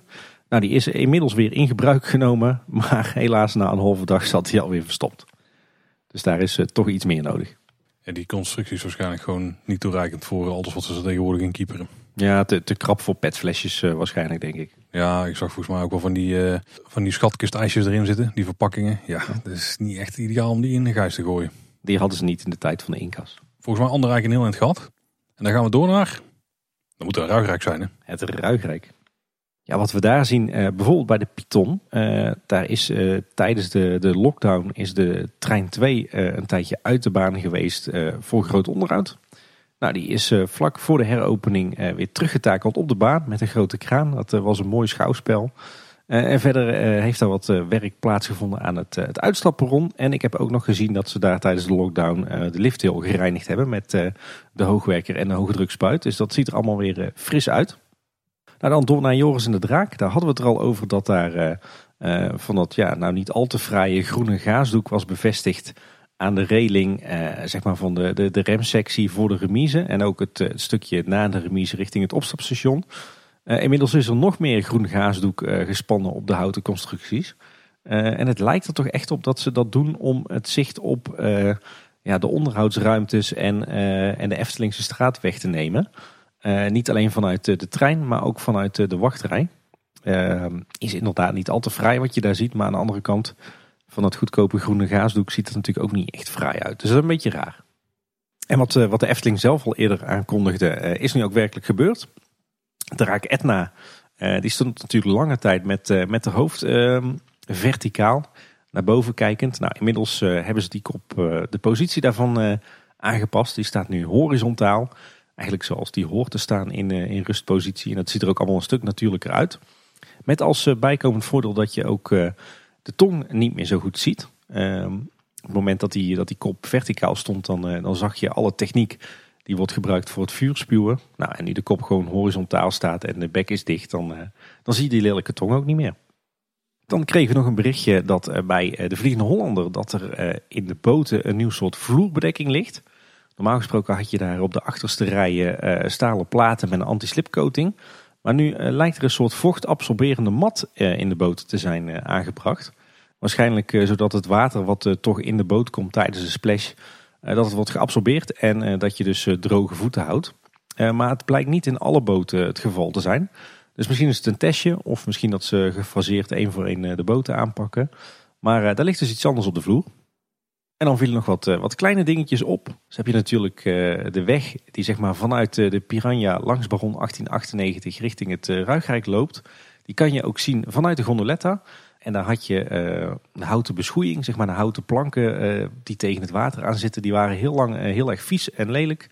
Met een hoop alg. En die zijn tijdens de lockdown netjes schoongemaakt met de hoge drukspuit. Dus dat ziet er allemaal weer fris en fruitig uit. Uh, wat ook nog opviel is dat er uh, momenteel geen omgevingsmuziek is bij Baron 1898. Hè? Dus uh, de soundtrack van René en de Witte Wieven. Daar, misschien dat daar een storing in zit. wat het wel weer doet is het, de wieken van, het, van de molen bij het kinderspoor, bij de traptreintjes. Die draait weer vrolijk rond. En de toiletgroep achter de Meermin, oftewel de oude campingtoiletten zoals wij ze ook wel eens noemen. die hebben een klein opknapbeurtje gehad. Want alle pictogrammen in die toiletgroep eh, die zijn voortaan gethematiseerd in het uh, zeevaartthema zoals we dat ook uh, terugvinden in de Game Gallery. Ja, dus stiekem toch best wel veel gebeurd. Ja, allemaal maar kleine puntjes, maar wel veel, veel kleine ergernisjes opgelost. Nou, en dan door naar het Reizenrijk denk ik. Ja, daar heb ik maar één puntje te melden. Er is natuurlijk heel veel dicht in Reizenrijk. Maar wat me daar opviel is dat, dat ja, de, de monstervis in de gondoletta-vijver die je af en toe tegenkomt als je goed oplet, dat hij het ook weer gewoon doet. Dat was een rappe. Dan door naar Marenrijk. Ja, Maarijk, ik zit me te- net, net te bedenken over kleine storingjes die zijn opgelost. Eh, ik ben zelf niet bij het Lavelaar geweest, maar er heeft ook niemand bericht of dat nou eh, de molenwieken van het, eh het Larikoekenhuis het eh, weer doen. Ik ben er langs gelopen en ik heb er niet bewust op gelet. Nou Paul, dat is toch een signature storing van eh, Kleine Boodschap. De storing, hebben die ook al. Cool. Eh, nee, ik heb er niet op gelet. Geen idee. Nou, het Lavelaar is wel een hoop gebeurd qua onderhoud. Met name bij eh, Lals Brouwhuis. Daar is eh, de ingangstunnel volledig vervangen. Hè. Daar hebben we het ook al eerder uitgebreid over gehad. Ehm, nou, eh, inmiddels hebben we de kans gehad om het resultaat te bekijken. Ik ben er zelf dus nog, nog niet geweest. Daar heb ik mijn dames nog niet toe kunnen verleiden. Maar ik weet zeker dat me dat wel gaat lukken het komende weekend. Maar ik heb wel heel veel foto's en filmpjes gezien. Aantal opvallende dingen. Eh, de binnenzijde van die, van die tunnel. En dan met name het, eh, het, het dak of het plafond. Die is eh, voor het overgrote deel gestuukt. En dat verraste veel mensen. Omdat we allemaal denk ik de indruk hadden dat, dat al die moeite die was gestoken in die mooie houten constructie. Dat die dan wel in het zicht zou blijven zitten. Maar dat blijkt dus niet het geval. Dat is voor het overgrote gedeelte weggestuukt. Eh, ziet er overigens goed uit. Er zit wel een beetje een rare knik in het dak. Want het, het loopt nu niet rond die tunnel. Maar het loopt een beetje, het loopt een beetje taps toe in een, eh, ja, een scherpe lijn. En die loopt dan weer in een kromme lijn weg. Dus dat geeft een beetje een, eh, een rare knik in het dak. Eh, maar ik moet zeggen, het stukwerk ziet er mooi uit. En doordat ze hier nu toch voor gekozen hebben, heeft die tunnel ook wel voor het, voor het grote deel zijn, zijn uitstraling behouden. Eh, zeker aan de binnenkant. Alhoewel, er is natuurlijk één groot verschil. En dat is dat je nu licht in de tunnel hebt, doordat ze een deel van die tunnel hebben opengewerkt. Kijk, hier is het licht in de hele tunnel al. ja, inderdaad. Eh, Een paar, andere opvallende dingetjes. We hadden het er al eerder over dat we het jammer vonden dat, eh, dat hier eh, allerlei verbindingen met, met bouten en moeren waren gemaakt. Terwijl in de rest van het Lavelaar dat allemaal ouderwetse pen-gatverbindingen zijn. Nou, daar was te vroeg geklaagd, want de verbindingen die nu in het zicht zitten, die zijn daadwerkelijk met pen-gatverbindingen gemaakt. Eh, dus of we hadden op de foto's niet goed gekeken of, eh, of ze zijn fake. Maar eh, in ieder geval goed om te zien dat, dat de delen van het houtwerk die in het, zicht zitten van de bezoeker, dat die netjes met authentieke technieken zijn gemaakt. Wat verder nog opviel is dat er eh, behoorlijk wat verlichtingsarmaturen zijn aangebracht in die tunnel. En volgens mij zijn ook de flagstones op de vloer vernieuwd. Of ze zijn in ieder geval opnieuw gevoegd. Iets wat nog niet is gebeurd is dat het eh, stukwerk nog niet is ingeschaduwd. Dat zal waarschijnlijk ergens eh, de komende weken wel gebeuren. En eh, ja, wat we al zeiden, dus het is lekker licht geworden in die tunnel. Maar gelukkig zagen we op een video van Jeroen 2 eh, geen lichtinval in het gedeelte van het huisje waar de show zich afspeelt. Dat was toch wel een, een vrees van velen, maar dat blijkt ook onnodig te zijn geweest. Want daar is het nog mooi donker. Het is zelfs heel donker, want volgens mij staat het showtje nog uit. Of in ieder geval op die woensdag stond het uit. Oh, ja, dan is het heel donker inderdaad. Ik heb het eigenlijk alleen van boven gezien, vanuit het uh, slakkenmonorail. En het zag er daar ook netjes uit hoor. Alsof het nooit anders is geweest eigenlijk. Nou, een geslaagde onderhoudsbeurt, eh, denk ik. Geslaagde opknapbeurt. Ik zag trouwens ook dat het, eh, het plantsoentje tussen de tunnel en de vijver die daar ligt, hè, als onderdeel van het, het lavelaak, dat die ook helemaal opnieuw is aangeplant. En verder, eh, wat we ook nog zagen, is eh, wat afzettingen, onder meer in het eh, slakkenhuis en in het, het lonkhuis, oftewel het vleugelhelmhuis. Het, het laafhuis, zeg maar links van de hoofdingang van het, het lavelaar. Ehm, alhoewel ik nog even niet weet of dat nou voor onderhoud is of dat het is afgesloten in verband met coronamaatregelen. Maar daar duiken we de komende weken nog eens in. En dan tot slot natuurlijk ook nog even naar het Sprookjesbos. Daar was ook best wel veel te zien. Ehm, zo is het eh, paddenstoelenparcours in het eh, Kabouterdorp is nog steeds afgesloten, jammer genoeg. Maar die hekken eh, die zijn een heel eind naar achteren verplaatst. Waardoor je nu toch een deel van het paddenstoelenparcours weer kan betreden. Dat is ook netjes opgeruimd en schoongemaakt. Bij Rapunzel viel me op dat de kleding van de heks volledig vernieuwd is. En volgens mij ook de, de beharing. Eh, maar dat het geluid van het showtje heel erg zacht stond. Dat was bijna niet, niet te verstaan. Dan bij Hans en Grietje viel nog op dat er ineens eh, wat vaste planten in de border staan. Terwijl normaal gesproken heb je daar toch altijd eh, die wisselbeplanting. Dus van die mooie kleurrijke eh, voorjaarsbloeiers en zomerbloeiers. Vraag me af dat die terugkeren of dat, we hier nu, dat ze hier nu vaste planten willen laten groeien. Dat zou wat mij betreft wel een, een achteruitgang zijn. Maar iets wat een vooruitgang is, is, en daar is hij weer, onze naamgever, Kleine Boodschap. Want die is weer terug op zijn sokkel. Opgeknapt en wel. Ja, die is er chic uit nou. Ja, we kregen een uh, mooie preview vanuit uh, de Efteling uh, tijdens de, de lockdown. er was iemand zo vriendelijk geweest om wat fotootjes en filmpjes te maken van de vernieuwde kleine boodschap. Ja, en hij ziet er inderdaad weer, weer heel erg goed uit. Um, helemaal mooi in de kleur. maar Nick, Eftelneurt op Twitter, die viel op dat er, dat er nog best wel meer is aangepast. zo is de grootte van de ruitjes van de sjaal van Kleine Boodschap is aangepast. Uh, zijn huid heeft een uh, wat andere kleur gekregen, evenals zijn wenkbrauwen. En het, uh, het rechter schouderblad is volledig vervangen. En verder zijn ook de, de schroefjes mooi op kleur gemaakt. Dus dank Nick voor die uitgebreide studie. Toen die foto werd uitgebracht, toen was we op even over de kleur. Maar volgens mij was hij heel erg vertekend door de kleurbalans in de foto. Of heb ik dat verkeerd gezien? Ja, dat, dat ook. Maar ik heb toevallig woensdag ben ik zelf nog even bij onze kleine boodschapkabouter gaan kijken. En ja, hij is inderdaad um, um, wat kleurrijker geschilderd. Of ja, hoe moet ik het eigenlijk zeggen? De kleuren zijn wat rijker dan, uh, dan voorheen. Uh, maar daar moet ik wel bij zeggen, de kleine boodschap zoals we die kenden, die is natuurlijk heel lang in een slechte staat geweest. Die verf is uitgebleekt geweest door de zon. Die kleuren zijn heel erg vaal geworden na al die jaren in het, in het UV-licht. en nu is hij opnieuw geschilderd, opnieuw op kleur gebracht. En ja, dan is hij nou eenmaal wat kleurrijker dan uh, dat je kijkt naar de oude situatie waarin dat hij juist volledig verkleurd en, en, en vervaagd was. Uh, en bovendien, uh, wat vaak zo is met, met, met verf en, en met, met decoratietechnieken, is dat de komende maanden onder invloed van regen en, en zonneschijn, dat die kleuren vanzelf wel een beetje verbleken. Dus ik denk dat het goed is dat ze hem net even wat, wat steviger in de kleur hebben gezet. Want dan kan hij net even wat langer mee. En uh, dan wordt hij ook niet zo snel vaal. Dus ik vind het heel begrijpelijk en een, uh, een, ja, een hele goede aanpak. En hoe is het met mijn glazen bolpunt aan de andere kant van het Routenplein? Nou, die heb je nog steeds niet binnen officieel, Paul. Uh, want de, de heer Routen die zijn nog steeds niet terug. Die staan na verluid nog steeds in het, het gildenhuis waar ze worden opgeknapt en een mooie schilderbeurt krijgen. Maar zijn ze inderdaad nog niet teruggekeerd. Of zou de spreuk verbroken zijn en kunnen ze weer rondlopen? Zou ook nog kunnen. Ik zou er graag staan te kijken als hier in Kaatsheuvel op de op, bij de hoofdpoort uh, naar de kruidvat gaat en er staat ineens een, uh, een heraut naast je in het uh, deodorantschap te, te graaien. Dat zou wel een goede grill marketingcampagne zijn van Essling trouwens. Al hebben ze die in Kaatsheuvel niet echt nodig. nou goed, terug naar het onderhoudsnieuws.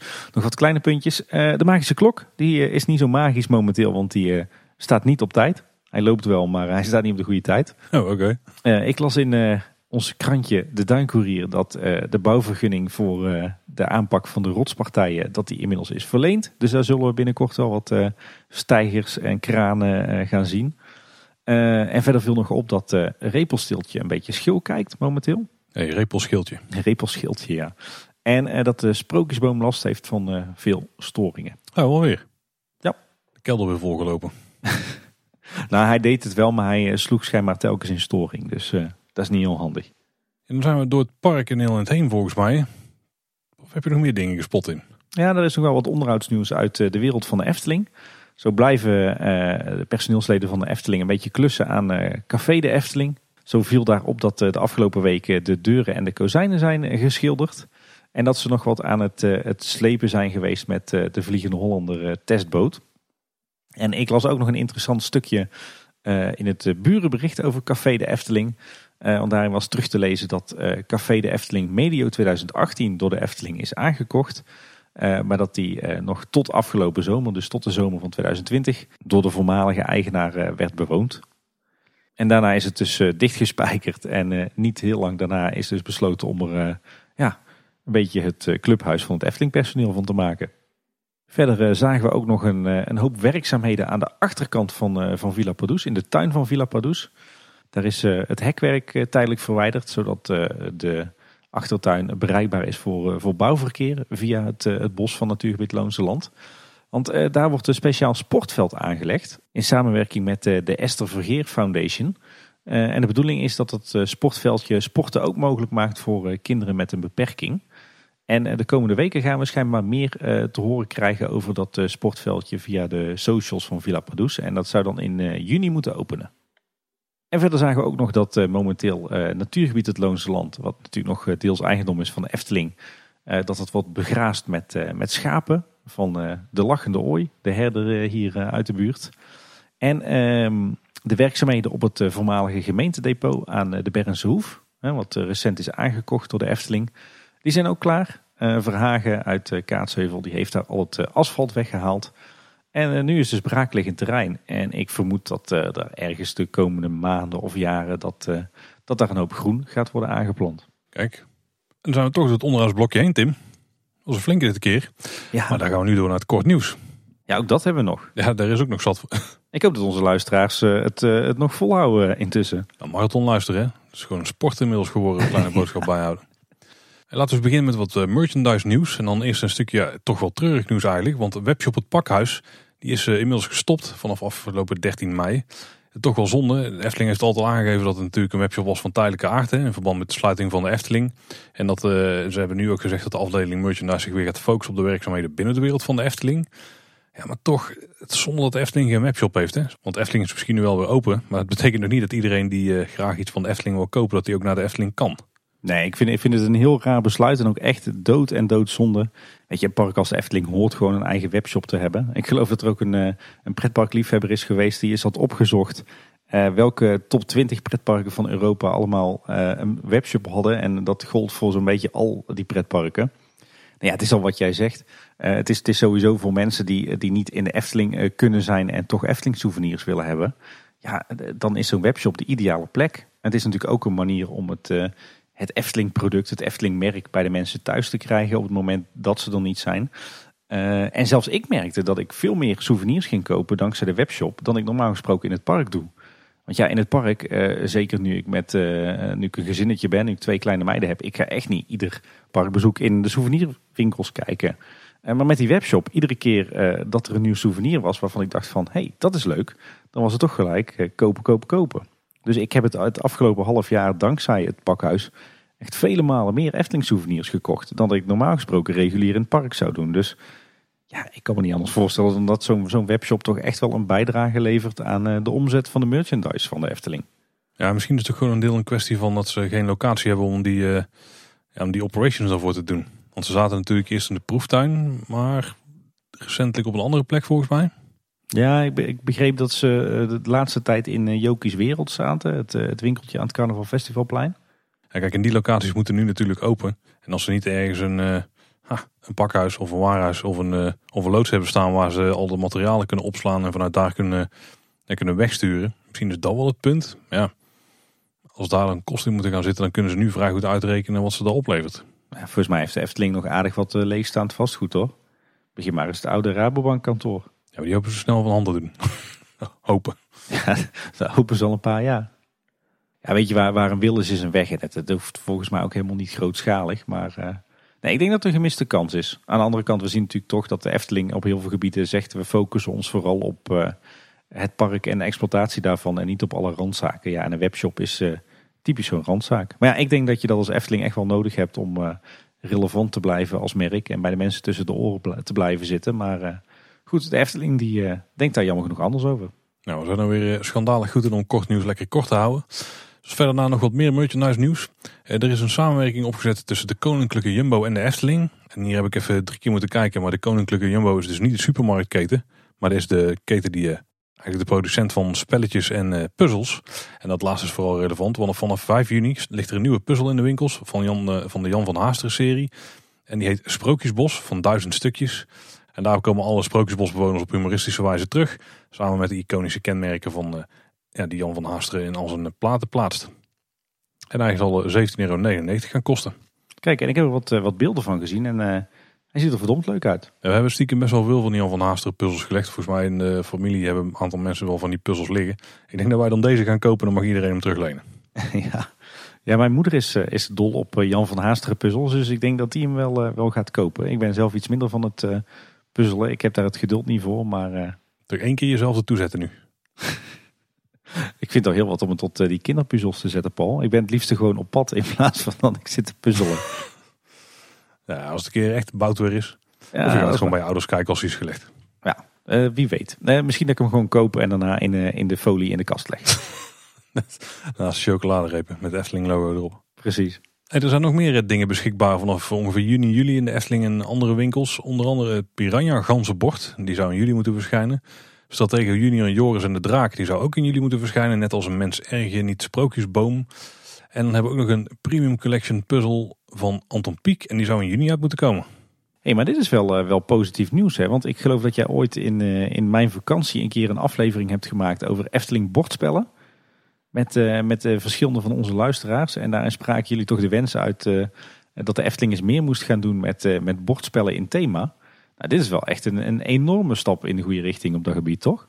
Ja, maar gezien de hoeveelheid heb ik er weinig vertrouwen in wat de doortastendheid van de, de nou moet het noemen, de Efteling touch van al die spellen is.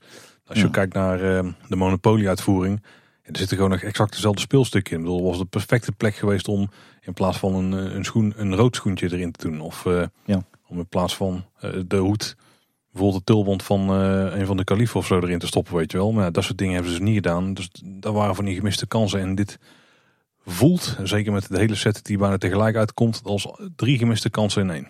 Ja, of, of het is hele goede licensing. Dat kan natuurlijk ook. Het zou zeker kunnen hoor. Ik geef het voordeel van de twijfel, maar gebaseerd op eh, wat we in het verleden hebben gezien, vrees ik voor het ergste.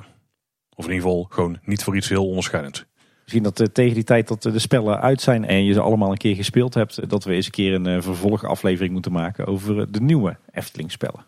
Nou ja, van die spellen lijkt me de Stratego variant nog het leukste. Dus dat vind ik het leukste spelletje van de drie. Dus nou, we gaan het zien. Ik geef, geef aan jou door wanneer ik met vakantie ben, dan kan je dan mooi die aflevering opnemen. Gaat er weer zo. De Efteling eh, die was natuurlijk flink aan het zoeken naar een plek om wat geld eh, te, te op te halen. En blijkbaar tijdens het zoeken zijn ze nog een doosje tegengekomen met enkele honderden exemplaren van de jubileumpin van 65 jaar Efteling.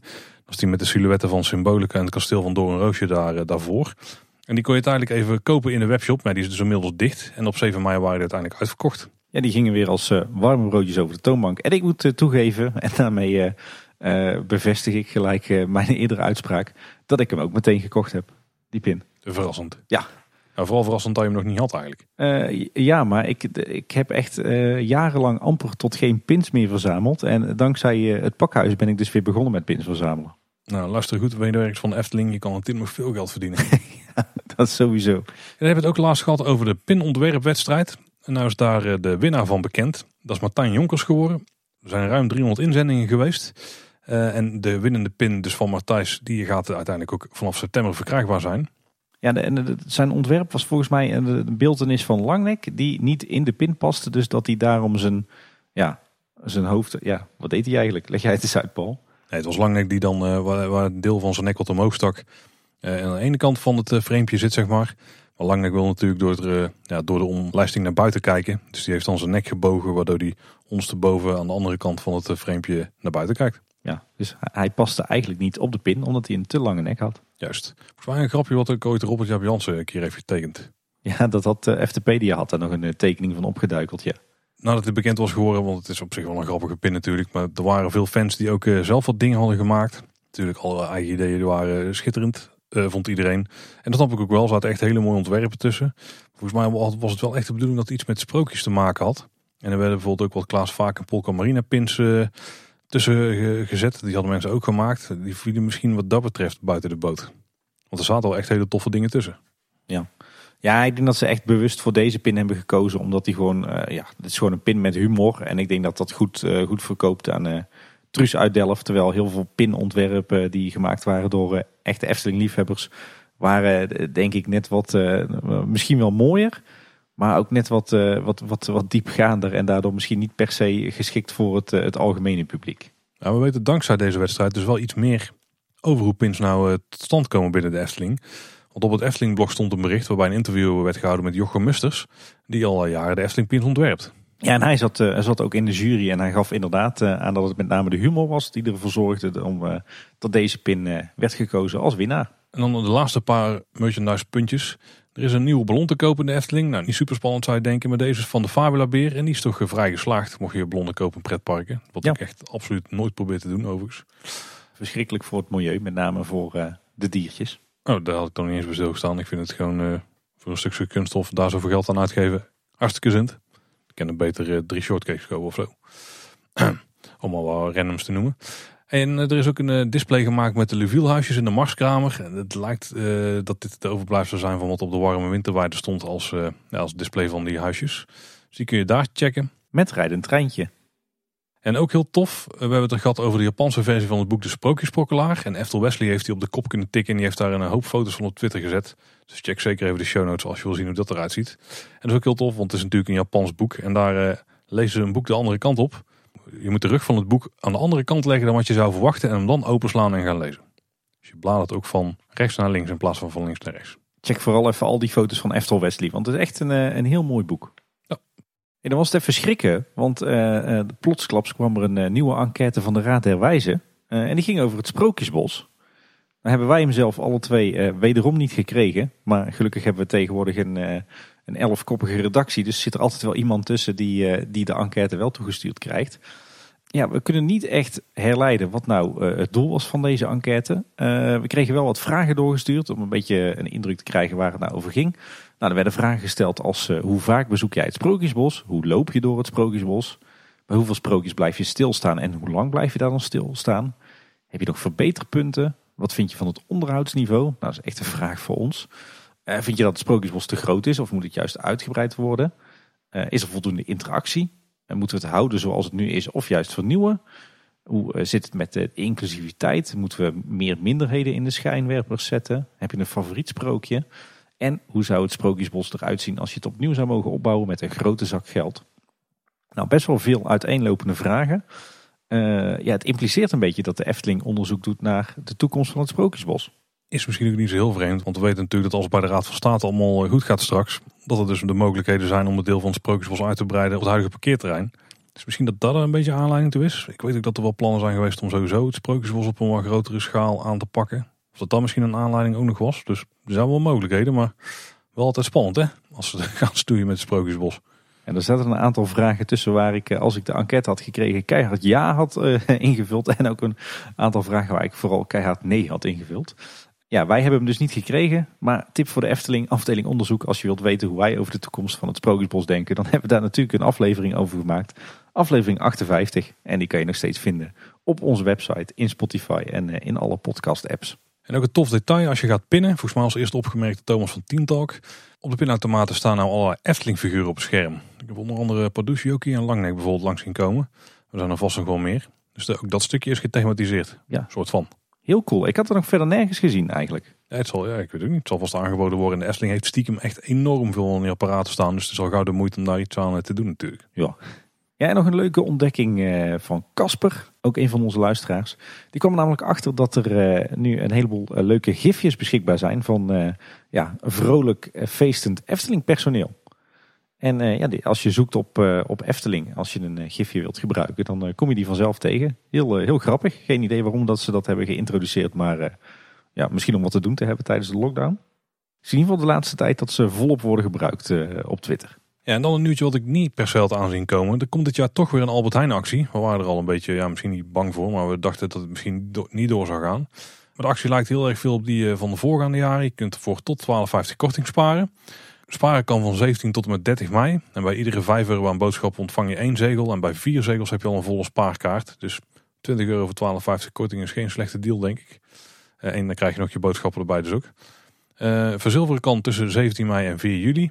En eh, je kunt dan voor een flexibel ticket bijvoorbeeld gaan. En die is dan geldig van 19 mei tot met 14 november 2021. Er zijn overigens ook laagseizoen beschikbaar. En die zijn dan dus niet geldig op weekenden, feestdagen, vakanties of het hoogseizoen. En ter ere van deze actie zijn er ook wat eh, merchandise items beschikbaar. Alleen maar bij Albert Heijn. Zoals nieuw serviesgoed van Blond Amsterdam met Efteling thema. Eh, bekers, mokken en soepkommen. Koekblikken, bordjes met onder andere Pardoes, Elfje, Ridder Thomas, Max en Moritz. En daarop krijg je ook nog eens 25% korting als je je bonuskaart toont. Ja, en verder geloof ik dat je ook uh, gratis Efteling schaaltjes krijgt. Er waren van 4,99 bij aankoop van de drie actieproducten. En wat heel leuk is, is dat er nu ook uh, vier nieuwe hamsterknuffels met Efteling thema zijn. Je kent ze wel, de hamsters van Albert Heijn, van het hamsteren. Nou, dat zijn, daar heb je nu een Efteling variant van. en dat is een hamster verkleed als Jokie, een hamster verkleed als Assepoester, een hamster verkleed als Wolf en een hamster verkleed als uh, langnek, inclusief uh, lange nek. Ze zijn helemaal losgegaan bij de ontwerpafdeling daar. Ja, ja ze doen het uh, heel goed bij heel veel Efteling-liefhebbers, zag ik wel. Wat we in ieder geval wel zeker weten dat deze actie dan geldt in Nederland. Het is niet zeker of dat die ook in België wordt gehouden. wil je er nou van op de hoogte gehouden worden, ja, dan moet je echt Albert Heijn zelf even volgen. Ik denk dat zodra de grenzen weer open gaan, dat hier misschien wel wat mogelijkheden zijn. Maar niet zeker dat het ook in België een geldende actie gaat zijn. En dan hadden we het natuurlijk de afgelopen paar nieuwsafleveringen ook volop over het, het verdwijnen van de DJ's bij Efteling Kids Radio. En DJ Arnoud en Mayoni die zijn een nieuw online radiostation gestart. Hallo Kids Radio. nou, inmiddels hebben die een geslaagde première beleefd op, op 1 mei. Wat, wat opvalt is dat, dat ze stiekem nog heel veel Efteling muziek draaien. Dus gelukkig is die verstandhouding met de Efteling nog goed. En ik denk dat ze de Efteling in die zin muzikaal ook wel missen. maar dat is grappig om, om te horen dat ze dus toch Efteling muziek blijven draaien. En tijdens die première op 1 mei was er trouwens ook heel wat aandacht in de pers voor het, het nieuwe Hallo Kids Radio. Zo was Omroep Brabant te gast in de studio. En hun bericht werd zelfs overgenomen door, door de NOS. ik zag trouwens in dat bericht nog dat ze nu tijdelijk een studio hebben in Kaatsheuvel. Bijna met zicht op de Efteling. Dus ik vermoed dat ze in het, het hoefijzer zitten. Het bedrijfsverzamelgebouw of kantoorgebouw tegenover het bussenparkeerterrein bij de Efteling. Overigens ook de Efteling eerder kantoor heeft gehouden. En René Melkerbach zijn studio heeft gehad. Nou ja, daar zit nu dus Hallo Kids Radio. en ze gaven ook aan in een artikel dat ze een platform willen worden voor kinderen. Dus meer dan, dan alleen een radiostation. Zo willen ze bijvoorbeeld ook, een, ook speciale podcasts gaan maken voor kinderen. En ze willen speciale evenementen voor kinderen gaan organiseren. Nou, we houden in de gaten wat dat wordt. En, ja, inmiddels kunnen we toch wel bevestigen, Paul, dat we zeer binnenkort de DJ's van Hallo Kids Radio op de koffie hebben. Ten opzichte van deze opname is het zeer binnenkort inderdaad. Ja, ik denk dat we nog net een paar uurtjes kunnen slapen en dan gaan we gewoon weer verder. Precies. Ja, en Efteling Kids Radio bestaat natuurlijk ook nog, uh, nog altijd. Wat luisteraar eh, Carlo, bekend van de Vijf Zintuigen, nog opviel... is dat ze sinds het vertrek van de DJ's een nieuwe slogan hadden. namelijk, hier kom je alles te weten over de Efteling. Maar inmiddels is die slogan veranderd in, hier hoor je de Efteling. Dat is wel een interessante, want ik, volgens mij zei ik de vorige keer tegen jou, Paul... van hier kom je alles te weten over de Efteling. Dat impliceert toch een beetje dat je ook ja, op Efteling Kids Radio toch dingen gaat horen over het park. Dat je misschien vragen kunt stellen. Dat, er, uh, ja, dat, dat, dat de radiozender in ieder geval ook een informatieve functie heeft. Terwijl ze toch juist gezegd hadden dat ze daarmee zouden stoppen. Uh, maar ja, de slogan is nu veranderd. Dus misschien dat het inderdaad dan toch alleen maar muziek is. Ja. En misschien nog een klein stukje follow-up over onze Efteling in de media aflevering. We hadden het natuurlijk over dat het slim was als de Efteling wat dingen ging doen met streamingdiensten we hebben van allerlei mensen gehoord dat uh, heel veel afleveringen van Joki en ook Leren met Joki, dat die op Videoland staan. Maar inmiddels staat ook de YouTube-serie Droomklus op Videoland. En we hebben stiekem gewoon weer een paar van zitten kijken. En wat wel uh, nou, grappig is, is dat het einde van een typische YouTube-video, weet je wel, met wat links naar andere video's, die zit er ook gewoon nog steeds in. Maar daar heb je natuurlijk niet zoveel aan, want in Videoland kijk je gewoon het videootje af en dan ga je terug naar het overzicht van de aflevering. Of naar de volgende aflevering. Dus dat is een beetje vreemd. Ze hebben het niet eh, opnieuw gemonteerd. Het is echt gewoon één op één de oude files zijn er gewoon opgezet. Beetje slordig. En dan de vacature nieuws. Tim, zijn er nog nieuwe vacatures? Ja, dat is wel bijzonder, die omslag. Want uh, ja, de Efteling is natuurlijk heel lang dicht geweest vorig jaar en ook dit jaar. We weten dat er, uh, dat er uh, slechts beperkt mensen zijn ontslagen, hè, met name bij de evenemententak. Maar ondertussen zijn er heel veel tijdelijke contracten niet verlengd. Waardoor er stiekem toch heel wat medewerkers zijn afgevloeid bij de Efteling. Lange tijd hebben ze ook geen vacatures gehad. Maar nu lijkt het tij gekeerd. want er zijn volop vacatures de afgelopen weken. op het hoogtepunt stonden er 19 verschillende vacatures op de website. inmiddels zijn dat er nog 14. Maar ze wisselen eigenlijk iedere week wel. Ja, ze, ze, zoeken gewoon ontzettend veel mensen momenteel om te werken. met name gewoon op de vloer in zowel het park als de hotels en de resorts. En zoeken horeca-medewerkers, attractiemedewerkers, entree-medewerkers. Nou goed, eh, noem maar op. Dus ja, het lijkt er toch een klein beetje op. En die geruchten horen we ook wel. Dat ze, ja, doordat ze dus het afgelopen jaar stiekem best wel veel mensen hebben laten afvloeien. dat ze nu eigenlijk personeel tekort komen om het park te draaien. Op het moment dat, dat we straks weer een normale drukke zomer krijgen. En dus zijn ze dus nu heel druk op zoek naar heel veel nieuwe medewerkers. En ja, de vraag is even in hoeverre dat, eh, dat gaat lukken natuurlijk. Als je net een heleboel eh, medewerkers hebt laten gaan. Nog eh, wat nieuwe vacatures die we eerder nog niet hebben gemeld. ze zoeken onder meer een marketeer voor België en Frankrijk. Die ook echt bureau gaat houden in België of Frankrijk. Ze zoeken nu ook medewerkers algemene dienst voor de horeca van het park. Dat zijn zeg maar de mensen die de tafeltjes poetsen. Ze zoeken medewerkers voor de spoelkeukens in de hotels en resorts. Er is een nieuwe meewerkstage bij de IT-afdeling en een bijbaan bij de Milieudienst. en daarnaast zijn er dus nog een tiental andere wat oudere vacatures. En het viel ook op dat uh, ook eh, CSU, het uh, grote schoonmaakbedrijf, dat die momenteel volop schoonmakers zoeken voor Bosrijk en het Loonse Land. Dus dat is ook nog een optie als je daar interesse in hebt. Kijk. En dan nog een nieuwtje, ja, eigenlijk rondom Caro. Marcel Visser, dat is de mannelijke hoofdrolspeler uit Caro, die speelt volgens mij meneer Tijd. Die speelt komend seizoen in de Titanic, the musical. Die komt dus niet meer terug in Caro. Er stond overigens wel veel Efteling in zijn cv. Was hij ook niet de kat, in de glazen kat? Ja, klopt inderdaad. En zijn partner, die uh, ook de regisseur is van Caro, Stanley Burleson, die uh, speelt dus in Aladdin. Daar gaat hij de geest spelen. Dus ik vermoed dat hij het ook heel druk gaat hebben. Ja, blijft weinig uh, cast meer over voor Caro zo. Ja, ik ben benieuwd of het terugkomt. Kijk, we weten dat in het theater het hele set die staat er nog. Dus we kunnen in principe die show binnen een week of twee weer aanslingeren. Maar er moet natuurlijk wel er mensen voor zijn. Ja, ja, ook nog een uh, leuk klein nieuwtje. Uh, laatst zat ineens een, uh, een kleine boodschapberoemdheid. Uh, Reinhard van Assendelft, oud commercieel directeur van de Efteling. die zat ineens op de radio. die werd zondagochtend 9 mei gebeld door de mensen van Radio 1. want toen was het 28-jarig jubileum van Droomvlucht. En Reinoud die mocht volop vertellen over Droomvlucht. En met name zijn herinnering aan die roerige tijd. Was leuk om terug te horen. En eerder berichten we in Kleine Boodschap ook al dat uh, Robert Jaap Jansen onderdeel uh, gaat uitmaken van het uh, nieuwe clubje ontwerp en ontwikkeling van het Anton Pieck Museum in Hattem. En de vrienden van Loopings die hebben inmiddels wat meer informatie boven water weten te halen. zo blijkt dat Robert Jaap zijn werkzaamheden op vrijwillige basis gaat uitvoeren. Dus naast zijn reguliere werk bij de Efteling. En Francine ook. Wij hebben haar natuurlijk uitgebreid gesproken in onze aflevering over Anton Pieck en het Anton Pieck Museum. Die zegt, uh, het zorgt voor een ontzettend goede wisselwerking. Robert Jaap kent het werk van Anton Pieck ontzettend goed. Hij is conceptueel heel sterk. En het uh, Anton Pieck Museum benadrukt nog even dat het echt geen Efteling museum wordt. Want Pieck is natuurlijk meer dan alleen Efteling. Ja, en dan een, een kijktip. Al heb ik hem zelf nog niet gezien, maar ik heb gehoord dat het een hele toffe video is. Bart Baan heeft dus een nieuwe serie, je bent er net al op. Het vriendenboekje. En uh, de eerste persoon die in het vriendenboekje van Bart mocht schrijven was Jeroen Vrij. En eh, die aflevering staat al online. En binnenkort kun je dus ook nog een aflevering verwachten waarbij Fons Jurgens gaat schrijven in het vriendenboekje van Bart.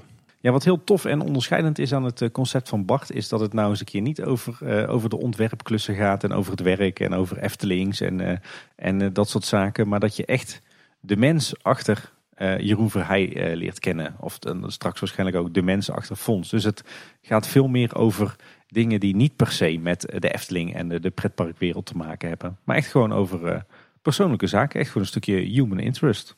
Hij staat op de lijst om nog te kijken, ik ben benieuwd. En de making-of van Max Moritz ging het al heel erg uitgebreid over de handgemaakte verlichtingsarmaturen. Zou je er nou nog meer over willen weten, dan heeft de fabrikant van die armaturen zelf een pagina ingericht waarbij ze heel erg diep ingaan op hoe die lampen uit tot stand zijn gekomen. Dus check het linkje daarvoor in de show notes. En naast de kijk- en leestips ook nog een eh, luistertip. Loopings, eh, de podcast, die heeft namelijk een nieuwe aflevering. En die hebben een interview gehad met Dennis Bots. En die regisseert natuurlijk een hoop Efteling attracties. Er is een hoop films in Efteling attracties. En ook de film Hugo, daar hebben we het uitgebreid over gehad in de Efteling en de Media deel 1. Dus uh, wil je daar nou nog meer over weten, wil je nog meer verhalen horen van Dennis achter de schermen, dan check zeker die aflevering. Ja, en zoals het gaat blijkbaar tegenwoordig met de loopings interviews die iets te maken hebben met de Efteling. Het kan wel zo zijn dat er ook een uh, kleine boodschap interview in de toekomst aankomt met Dennis. Ja, misschien moeten we onze podcastplanningen eens gewoon delen. Ja, nou, dat had best wel voorgesteld. Maar het is weer gelukt om een dubbele boeking te hebben. ja.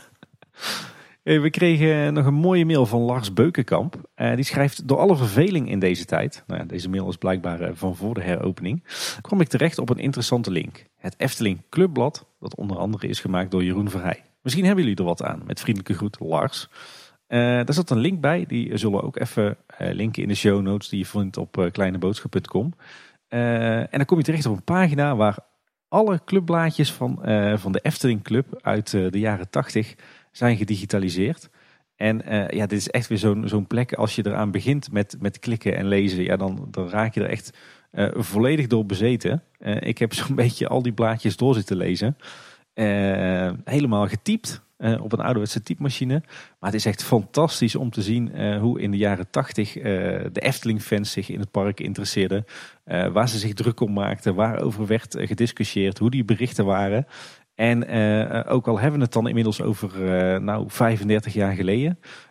toch moet ik zeggen dat er heel veel overeenkomsten zitten tussen de Efteling Club destijds uh, en uh, wat wij als uh, fanmedia heden ten dagen doen. En ook wij als kleine boodschap. Want ja, het is schitterend om te zien hoe geïnteresseerd zij zijn in, in alle details. En hoe druk ze zich om dingen maken. En waar ze allemaal in geïnteresseerd zijn.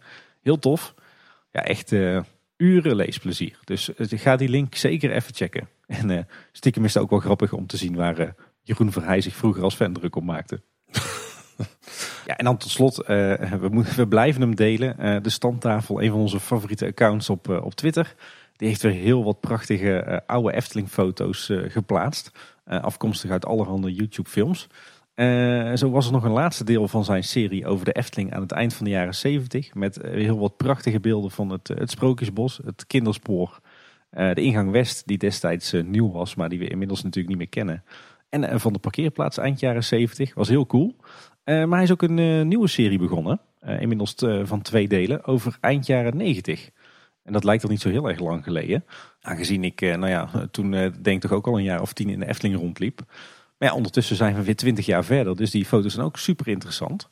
want in deze eerste twee delen vind je onder andere heel veel leuke foto's van het waterorgel.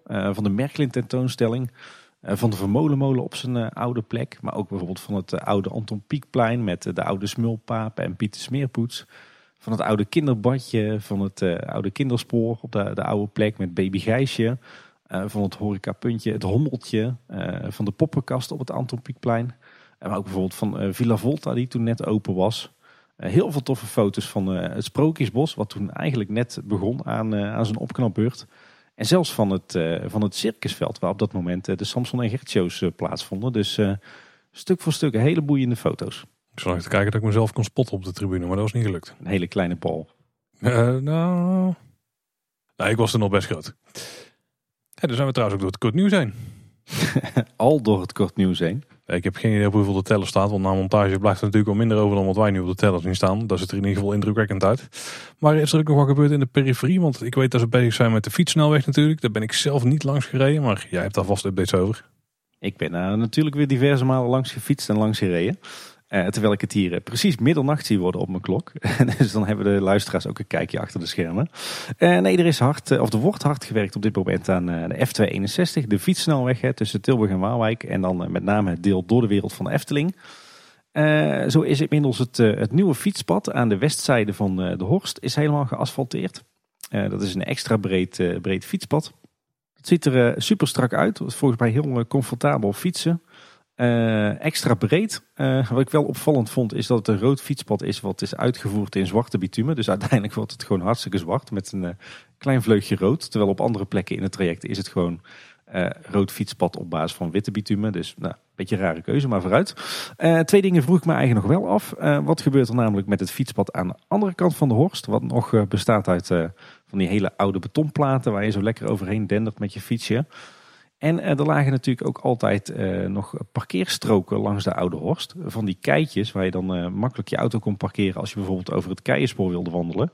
Maar die zijn nu opgeruimd. En ja, ik vraag me af, komen er nog zulke soort parkeervakken terug? Nou ja, ik heb beide vragen bij de gemeente neergelegd, maar natuurlijk nog geen reactie. maar we blijven het in de gaten houden. En wat er ook is gebeurd is dat de kruising van de Oude Horst met de Eftelingse straat en de Nieuwe Horst volledig op de schop is genomen. Uh, en die is inmiddels helemaal opnieuw aangelegd. Met een, uh, een mooie veilige fietsoversteek van de fietssnelweg. Maar ook uh, plateaus, dus zeg maar drempels die het autoverkeer moeten remmen. Nieuwe verlichting, beleiding erop. het ziet er heel netjes uit. Dat kruispunt was altijd één grote bak ellende. Super onoverzichtelijk en oud aan nieuw gebreid. Maar dat is nu een gloedje nieuw en hartstikke overzichtelijk. Dus dat hebben ze heel mooi gedaan. En ik zag trouwens ook dat uh, de laatste fase, dat is het, uh, zeg maar het stukje uh, vanaf de wereld van de Efteling tot aan de afrit van de N62 bij Loon op Zand. Dat ze daar nu ook druk bezig zijn met een nieuwe inrichting. En dan hebben ze een deel van het, het taluut van de N62 snelweg hebben ze afgesnoept met een damwand. En daar leggen ze niet alleen een volledig nieuw dubbel fietspad aan, maar ook een volledig nieuwe rijbaan. die rijbaan die komt echt strak tegen het taluut van de snelweg te liggen. En het fietspad krijgt daar alle ruimte. Dus je hebt straks echt van, uh, van Kaatsheuvel naar Tilburg heb je echt één mooie kaarsrecht breed fietspad. Dus in die zin doet het zo'n naam fietssnelweg wel, wel eer aan. Fietssnelweg doet in Amsterdam ook zo'n naam eer aan.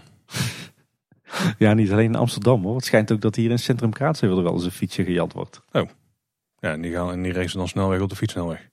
Ja, uh, we gaan verder. Nou, verder we het de vorige keer ook al over het feit dat de N261, de, de snelweg tussen Tilburg en Waalwijk, dat die een weekendje dicht was geweest uh, voor een, uh, wat extra afslagen. Nou, de, de snelweg is uh, intussen een aantal keer meer dicht geweest. En wat blijkt nou uiteindelijk de opzet te zijn geweest? Ze hebben die hele aansluiting zeg maar van de N261 op de ring Tilburg, die hebben ze volledig aangepakt. voorheen was het zo dat als je vanuit Kaatsheuvel kwam, dat uh, zeg maar de, de weg rechtdoor richting centrum Tilburg, dat dat de prioritaire weg was. Alleen nu hebben ze, het, uh, hebben ze die, zeg maar dat knooppunt zo aangepakt dat juist de aansluiting komende vanuit Waalwijk en Kaatsheuvel richting Tilburg, dat je dan juist heel erg de ring Tilburg op wordt gedwongen, dus om de stad heen. En daar hebben ze allerlei extra afslagen voor gemaakt, andere afslagen afgesloten, de beleiding aangepast. Er zijn heel veel nieuwe verkeersborden gekomen. Met, uh, met ook overal heel duidelijk Efteling op aangegeven. Dus ze, willen nu, ze doen er nu echt alles aan om het, eh, het verkeer uh, van en naar de Efteling om Tilburg heen te leiden. In plaats van uh, er dwars doorheen, wat, wat vroeger gevoelsmatig misschien de juiste weg was. Maar daarom hebben ze nu dus ook de hele wegenstructuur daar aangepast. Hm. Misschien zijn de luisteraars van ons ook wel bekend met de, de vloeivelden bij Loon op Zand. Eerdere versies van het bestemmingsplan waren die ook geopteerd als plekken waarop geparkeerd zou kunnen worden op afstand voor de Efteling. Dat is een, een terrein van 11 hectare ongeveer. Nou heeft de energiecoöperatie Loon op Zand eh, het plan om daar 16.000 zonnepanelen te laten installeren. Er is overigens wel een bestemmingsplan wijziging voor nodig. En ze hopen dat het over twee jaar gereed is. 16.000 zonnepanelen, dat is wel echt een flinke bult. Hey, maar dat betekent dan dus wel dat uh, dus definitief de vloeivelden niet meer ingezet uh, kunnen worden als uh, ja, transferium of overloopparkeerterrein van de Efteling. Nou, daar zijn een aantal buurtbewoners in ieder geval wel blij mee. Dat denk ik ook, ja. En dan door naar, en dan nog dit. Ja, hoe, hoe, was jouw meivakantie eigenlijk, Paul? Want jij bent dus twee weken met de camper op pad geweest. Ja, dus zoals ik in het begin al zei, die was op zich prima. Het weer was in het begin wel matig, maar dat was eh, vrij goed om heen te werken. Eerst in Zuid-Limburg geweest. Ja, daar gewoon uh, wat, wat stadjes bekeken en zo. Want dat was wel het nadeel. Het was nog net in de periode dat er dus helemaal niks open was. Mm -hmm. Vrijwel niks. Wel de terrasjes, dus een paar keer op het terras kunnen neer strijken. En ons daar uh, ja, een uurtje kunnen vermaken met een goede lunch. Want het was ook nog tot zes uur maar open, het terras. En uiteindelijk doorgereden richting de Veluwe. Maar toen zaten we al in het hemelvaartweekend. En daar ging het enigszins fout. Want waar wij helemaal geen rekening mee hadden gehouden... is eh, dat met onze camper vrijheid, blijheid uh, insteek... dat het met hemelvaart niet echt opgaat. Want dan zijn dus echt alle plekken gewoon al volgeboekt. Op campings en, dat soort zaken. Maar vooral uh, in de vorm van, van arrangementen. Dus we konden wel op een paar plekken terecht. Maar daar wilde dan één nachtje staan. Maar dan moest je er meteen voor vier betalen. Van donderdag tot en met maandag. Daar hadden we dan niet zo heel veel zin in uiteindelijk daar nog wel een paar plekken gevonden waar we wel terecht konden. Maar uh, ja, er was zoveel dicht. wat op een gegeven moment uh, de, de, punten waar we wilden kijken, die hadden we gewoon gezien. Dus toen zijn we iets eerder naar huis gegaan. Ook maar één nachtje of zo. Dus dat is ook, eh, mag ook geen naam hebben. Maar we ons goed vermaakt. Ja. De drie mooiste plekken in eigen land die je gezien hebt deze vakantie. Nou, dat is het, het, gewoon het zuiden van Limburg. Dat tussen de heuvels doorrijden is gewoon, gewoon mooi. We zijn bij Radio Kootwijk geweest. Niet echt per se een mooie plek, maar wel gewoon tof om een keer daar rond te sjouwen. Je hebt ook uh, natuurlijk de, de videoclip Zij aan Zij met jouw dochters uh, uitgevoerd daar. Die hebben daar zeker even een dansje gedaan, ja, wat we hebben moeten opnemen. Want ik kon ze dat weer op school laten zien. Ja, misschien ook niet echt een mooie plek, maar we zijn in Landgraaf geweest, waar ook vrij veel dingen dicht waren. Maar daar heb je natuurlijk ook de langste trap of de grootste trap van Nederland of iets in die geest. En die hebben we nog even beklommen. Al waren ze daar bovenaan aan het klussen, dus de laatste 150 treden of zo konden we niet doen. Want daar zijn ze volgens mij wat dingen aan het aanpassen aan de infrastructuur. Ik weet ook niet precies. Daar volgen wij niet zo nauw, hè, dus die informatie krijgen we allemaal niet mee. Uh, maar dat was ook nog wel aardig, ja, met een wel aardig uitzicht daar. Nou mooi, ik, ik hoop daar volgend jaar weer te staan met, uh, met Pinkpop. Daar is daar uh, vrijdag bij, ja. De Landgraaf is ook niet heel veel meer dan dat festivalterrein en een wijk eromheen en uh, Snowworld op een berg. Maar ja. Nou mooi. Hey, en jullie zomerplannen? Die hebben we nog niet, want dat is even afwachten hoe het gaat met vaccineren en wat er dan wel en niet mag en hoe lang je gevaccineerd moet zijn. Of dat je eventueel met testen ergens voor langere tijd heen kunt. Ik zit vooral heel erg eh, te wachten op een spuit in mijn arm. ik ook, ja. En liefst, liefst twee. Of ja, eigenlijk het liefst eentje die met één keer spuiten eh, werkt. Ja, dat is helemaal ideaal zijn. Maar goed, we mogen niet klagen. De Efteling is weer open eindelijk. Dat is zeker waar. Daar kan ik me ook prima van maken in de hele zomer. Ja Tim, jullie hebben vast nog wel wat gedaan vermoed ik. ja, we staan nou een beetje op, het, op een keerpunt in het jaar 2021. Hè. Ik bedoel, tot tot eergisteren hebben we heel hard ons best gedaan om ons toch te, te vermaken, ondanks de lockdown. En vanaf gisteren zijn alle parken weer open. Dus voor de komende weken hebben we echt een enorme waslijst met pretparken en uh, dierentuinen en musea die we samen met de kinderen willen gaan afrennen. Maar inderdaad, voor 19 mei ging dat niet. En we keken maar elkaar aan toen op een gegeven moment die datum wel een beetje uitlekte. En toen zeiden we van ja, nu moeten we eigenlijk nog al die dingen gaan doen op ons verlanglijstje. Die uitermate geschikt zijn voor de lockdown, maar die je straks echt niet meer gaat doen als al die toeristische attracties weer open zijn. Dus dat hebben we de afgelopen drie weekenden uh, dat driftig gedaan. Ja, waar zijn we allemaal geweest? de kids die wilden graag de Bollevelden in. Dus we hebben de Tulip Experience Amsterdam geboekt. Dat was niks Amsterdams aan, want het was bij Lisse. dus hebben we een mooie fietstocht gemaakt door de Bollevelden uiteindelijk op het eh, strand van Noordwijk eh, aanbeland. Eh, dat was ook geen straf. we hebben een nieuwe speelboerderij uitgeprobeerd. Hoppies in Ammerzode. was ook een leuke plek.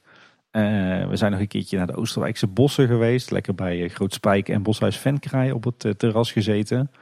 Wat heel leuk was en wat ook nog wel echt een wens van ons was voor tijdens de lockdown, is dat we eindelijk een keer naar het Drielandenpunt zijn geweest.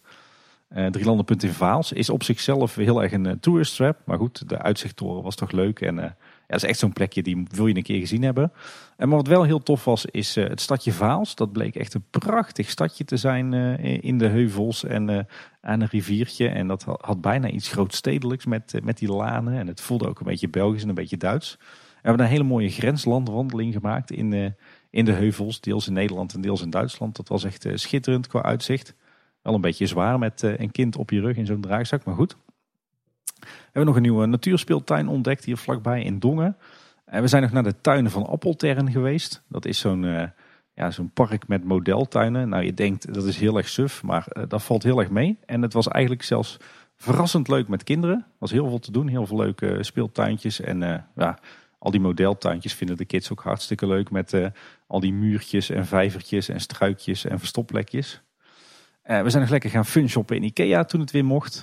Uh, we zijn nog uh, voor het eerst naar de Brunsumer Heide geweest voor een wandeling. We zijn hier in de Kets nog een middagje naar de speeltuin bij het genieten geweest. Dus kortom, we hebben ons ondanks de lockdown absoluut niet verveeld. Anne heeft trouwens ook nog een paar leuke blogs erover geschreven op, op. Die zullen we wel weer linken. Dus ja, ons zeker niet verveeld. Uh, eigenlijk ons hele verlanglijstje nog voor tijdens de, de lockdown afgetikt. Alleen uh, ergens toch wel blij dat we dat nu achter de rug hebben. En dat we weer lekker gewoon naar uh, de dierentuinen, de pretparken en vooral naar de Efteling kunnen. Dus daar gaan we de komende weken volop doen.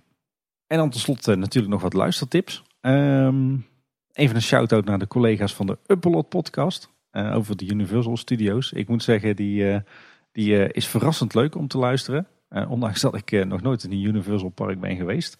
Ik vond vooral uh, de aflevering over de Velocicoaster vond ik super boeiend. nou moet ik wel zeggen dat hier thuis momenteel de meiden helemaal dol zijn op dino's. dus ik moet hier ook de hele dag naar, naar Kamp Krijtastisch van Jurassic World kijken op Netflix. Maar ik heb wel te horen gekregen van de dames hier dat, dat we over niet al te lange tijd naar Universal Studios in Orlando moeten. Uh, want ze hebben hier al volop ook de, de, de onride van de Velocicoaster zitten kijken. En uh, ja, ik denk dat ik er niet aan ga ontkomen. Dan moeten ze ook wel een beetje groeien, denk ik. Ik ben er ook bang voor. Dat heb ik ze ook proberen uit te leggen. Maar uh, het, het, lijkt wel of de dames hier in huis nog meer naar Orlando willen dan ik tegenwoordig. Maar dat is op zich wel een goede motivatie. Ja, precies. Een goed excuus in ieder geval. Nee, maar het is super tof om, om zo de Universal Studios wat beter te leren kennen. Dankzij de mannen van de Uppelot podcast. Want ja, eigenlijk voordat zij eh, dat deden, ja, kreeg je eigenlijk maar weinig mee van die, van die parkengroep, moet ik zeggen. En daarover gesproken, uh, Team Park Science, de podcast, ook podcastvrienden van ons, ons hè, onder meer Danny en Niels, die zijn een nieuwe serie begonnen over reizen naar Orlando en praktische tips.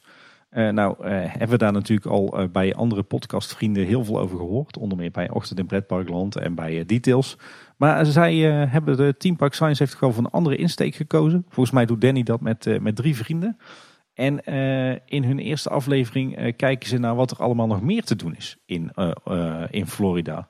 En dan gaat het ook eens over minder voor de hand liggende pretparken. Zoals eh, bijvoorbeeld het, het oude Cypress Gardens, wat nou Legoland is. Maar ook wat je in, in de verschillende steden kan doen. Wat er aan natuur te vinden is, hoe de stranden zijn. Ik vond dat super boeiend. Ook met toch altijd weer in het achterhoofd dat ik ooit nog een keer naar Orlando wil.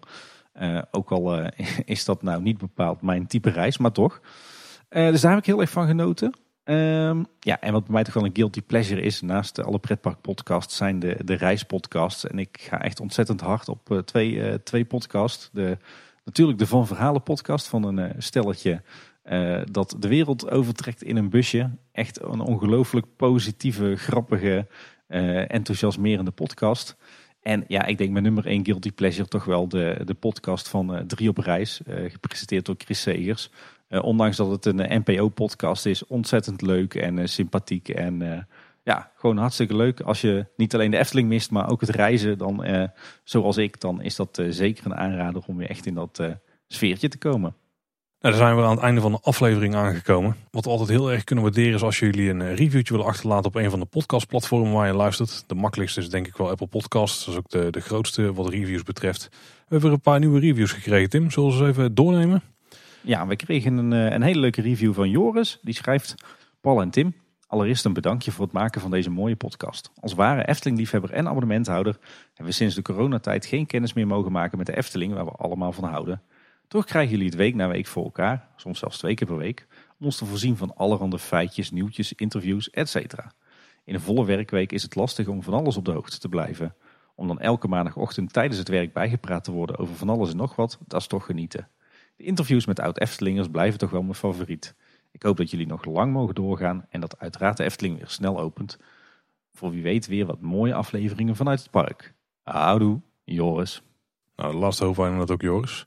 We kregen ook een review van Pascal. Die schrijft een hele fijne podcast die ervoor zorgt dat je toch nog een beetje het gevoel hebt van wekelijks in de wereld van de Efteling te kunnen vertoeven. Paul en Tim hebben er in het verleden al voor gezorgd dat we door hun enthousiasme en liefde voor het park met ons gezin een abonnement hebben genomen. En zullen het ook zeker weer gaan doen zodra de coronamaatregelen voorbij zijn. Ga zo door mannen. Groetjes Pascal en de family. Nou, heel tof Pascal, dank je.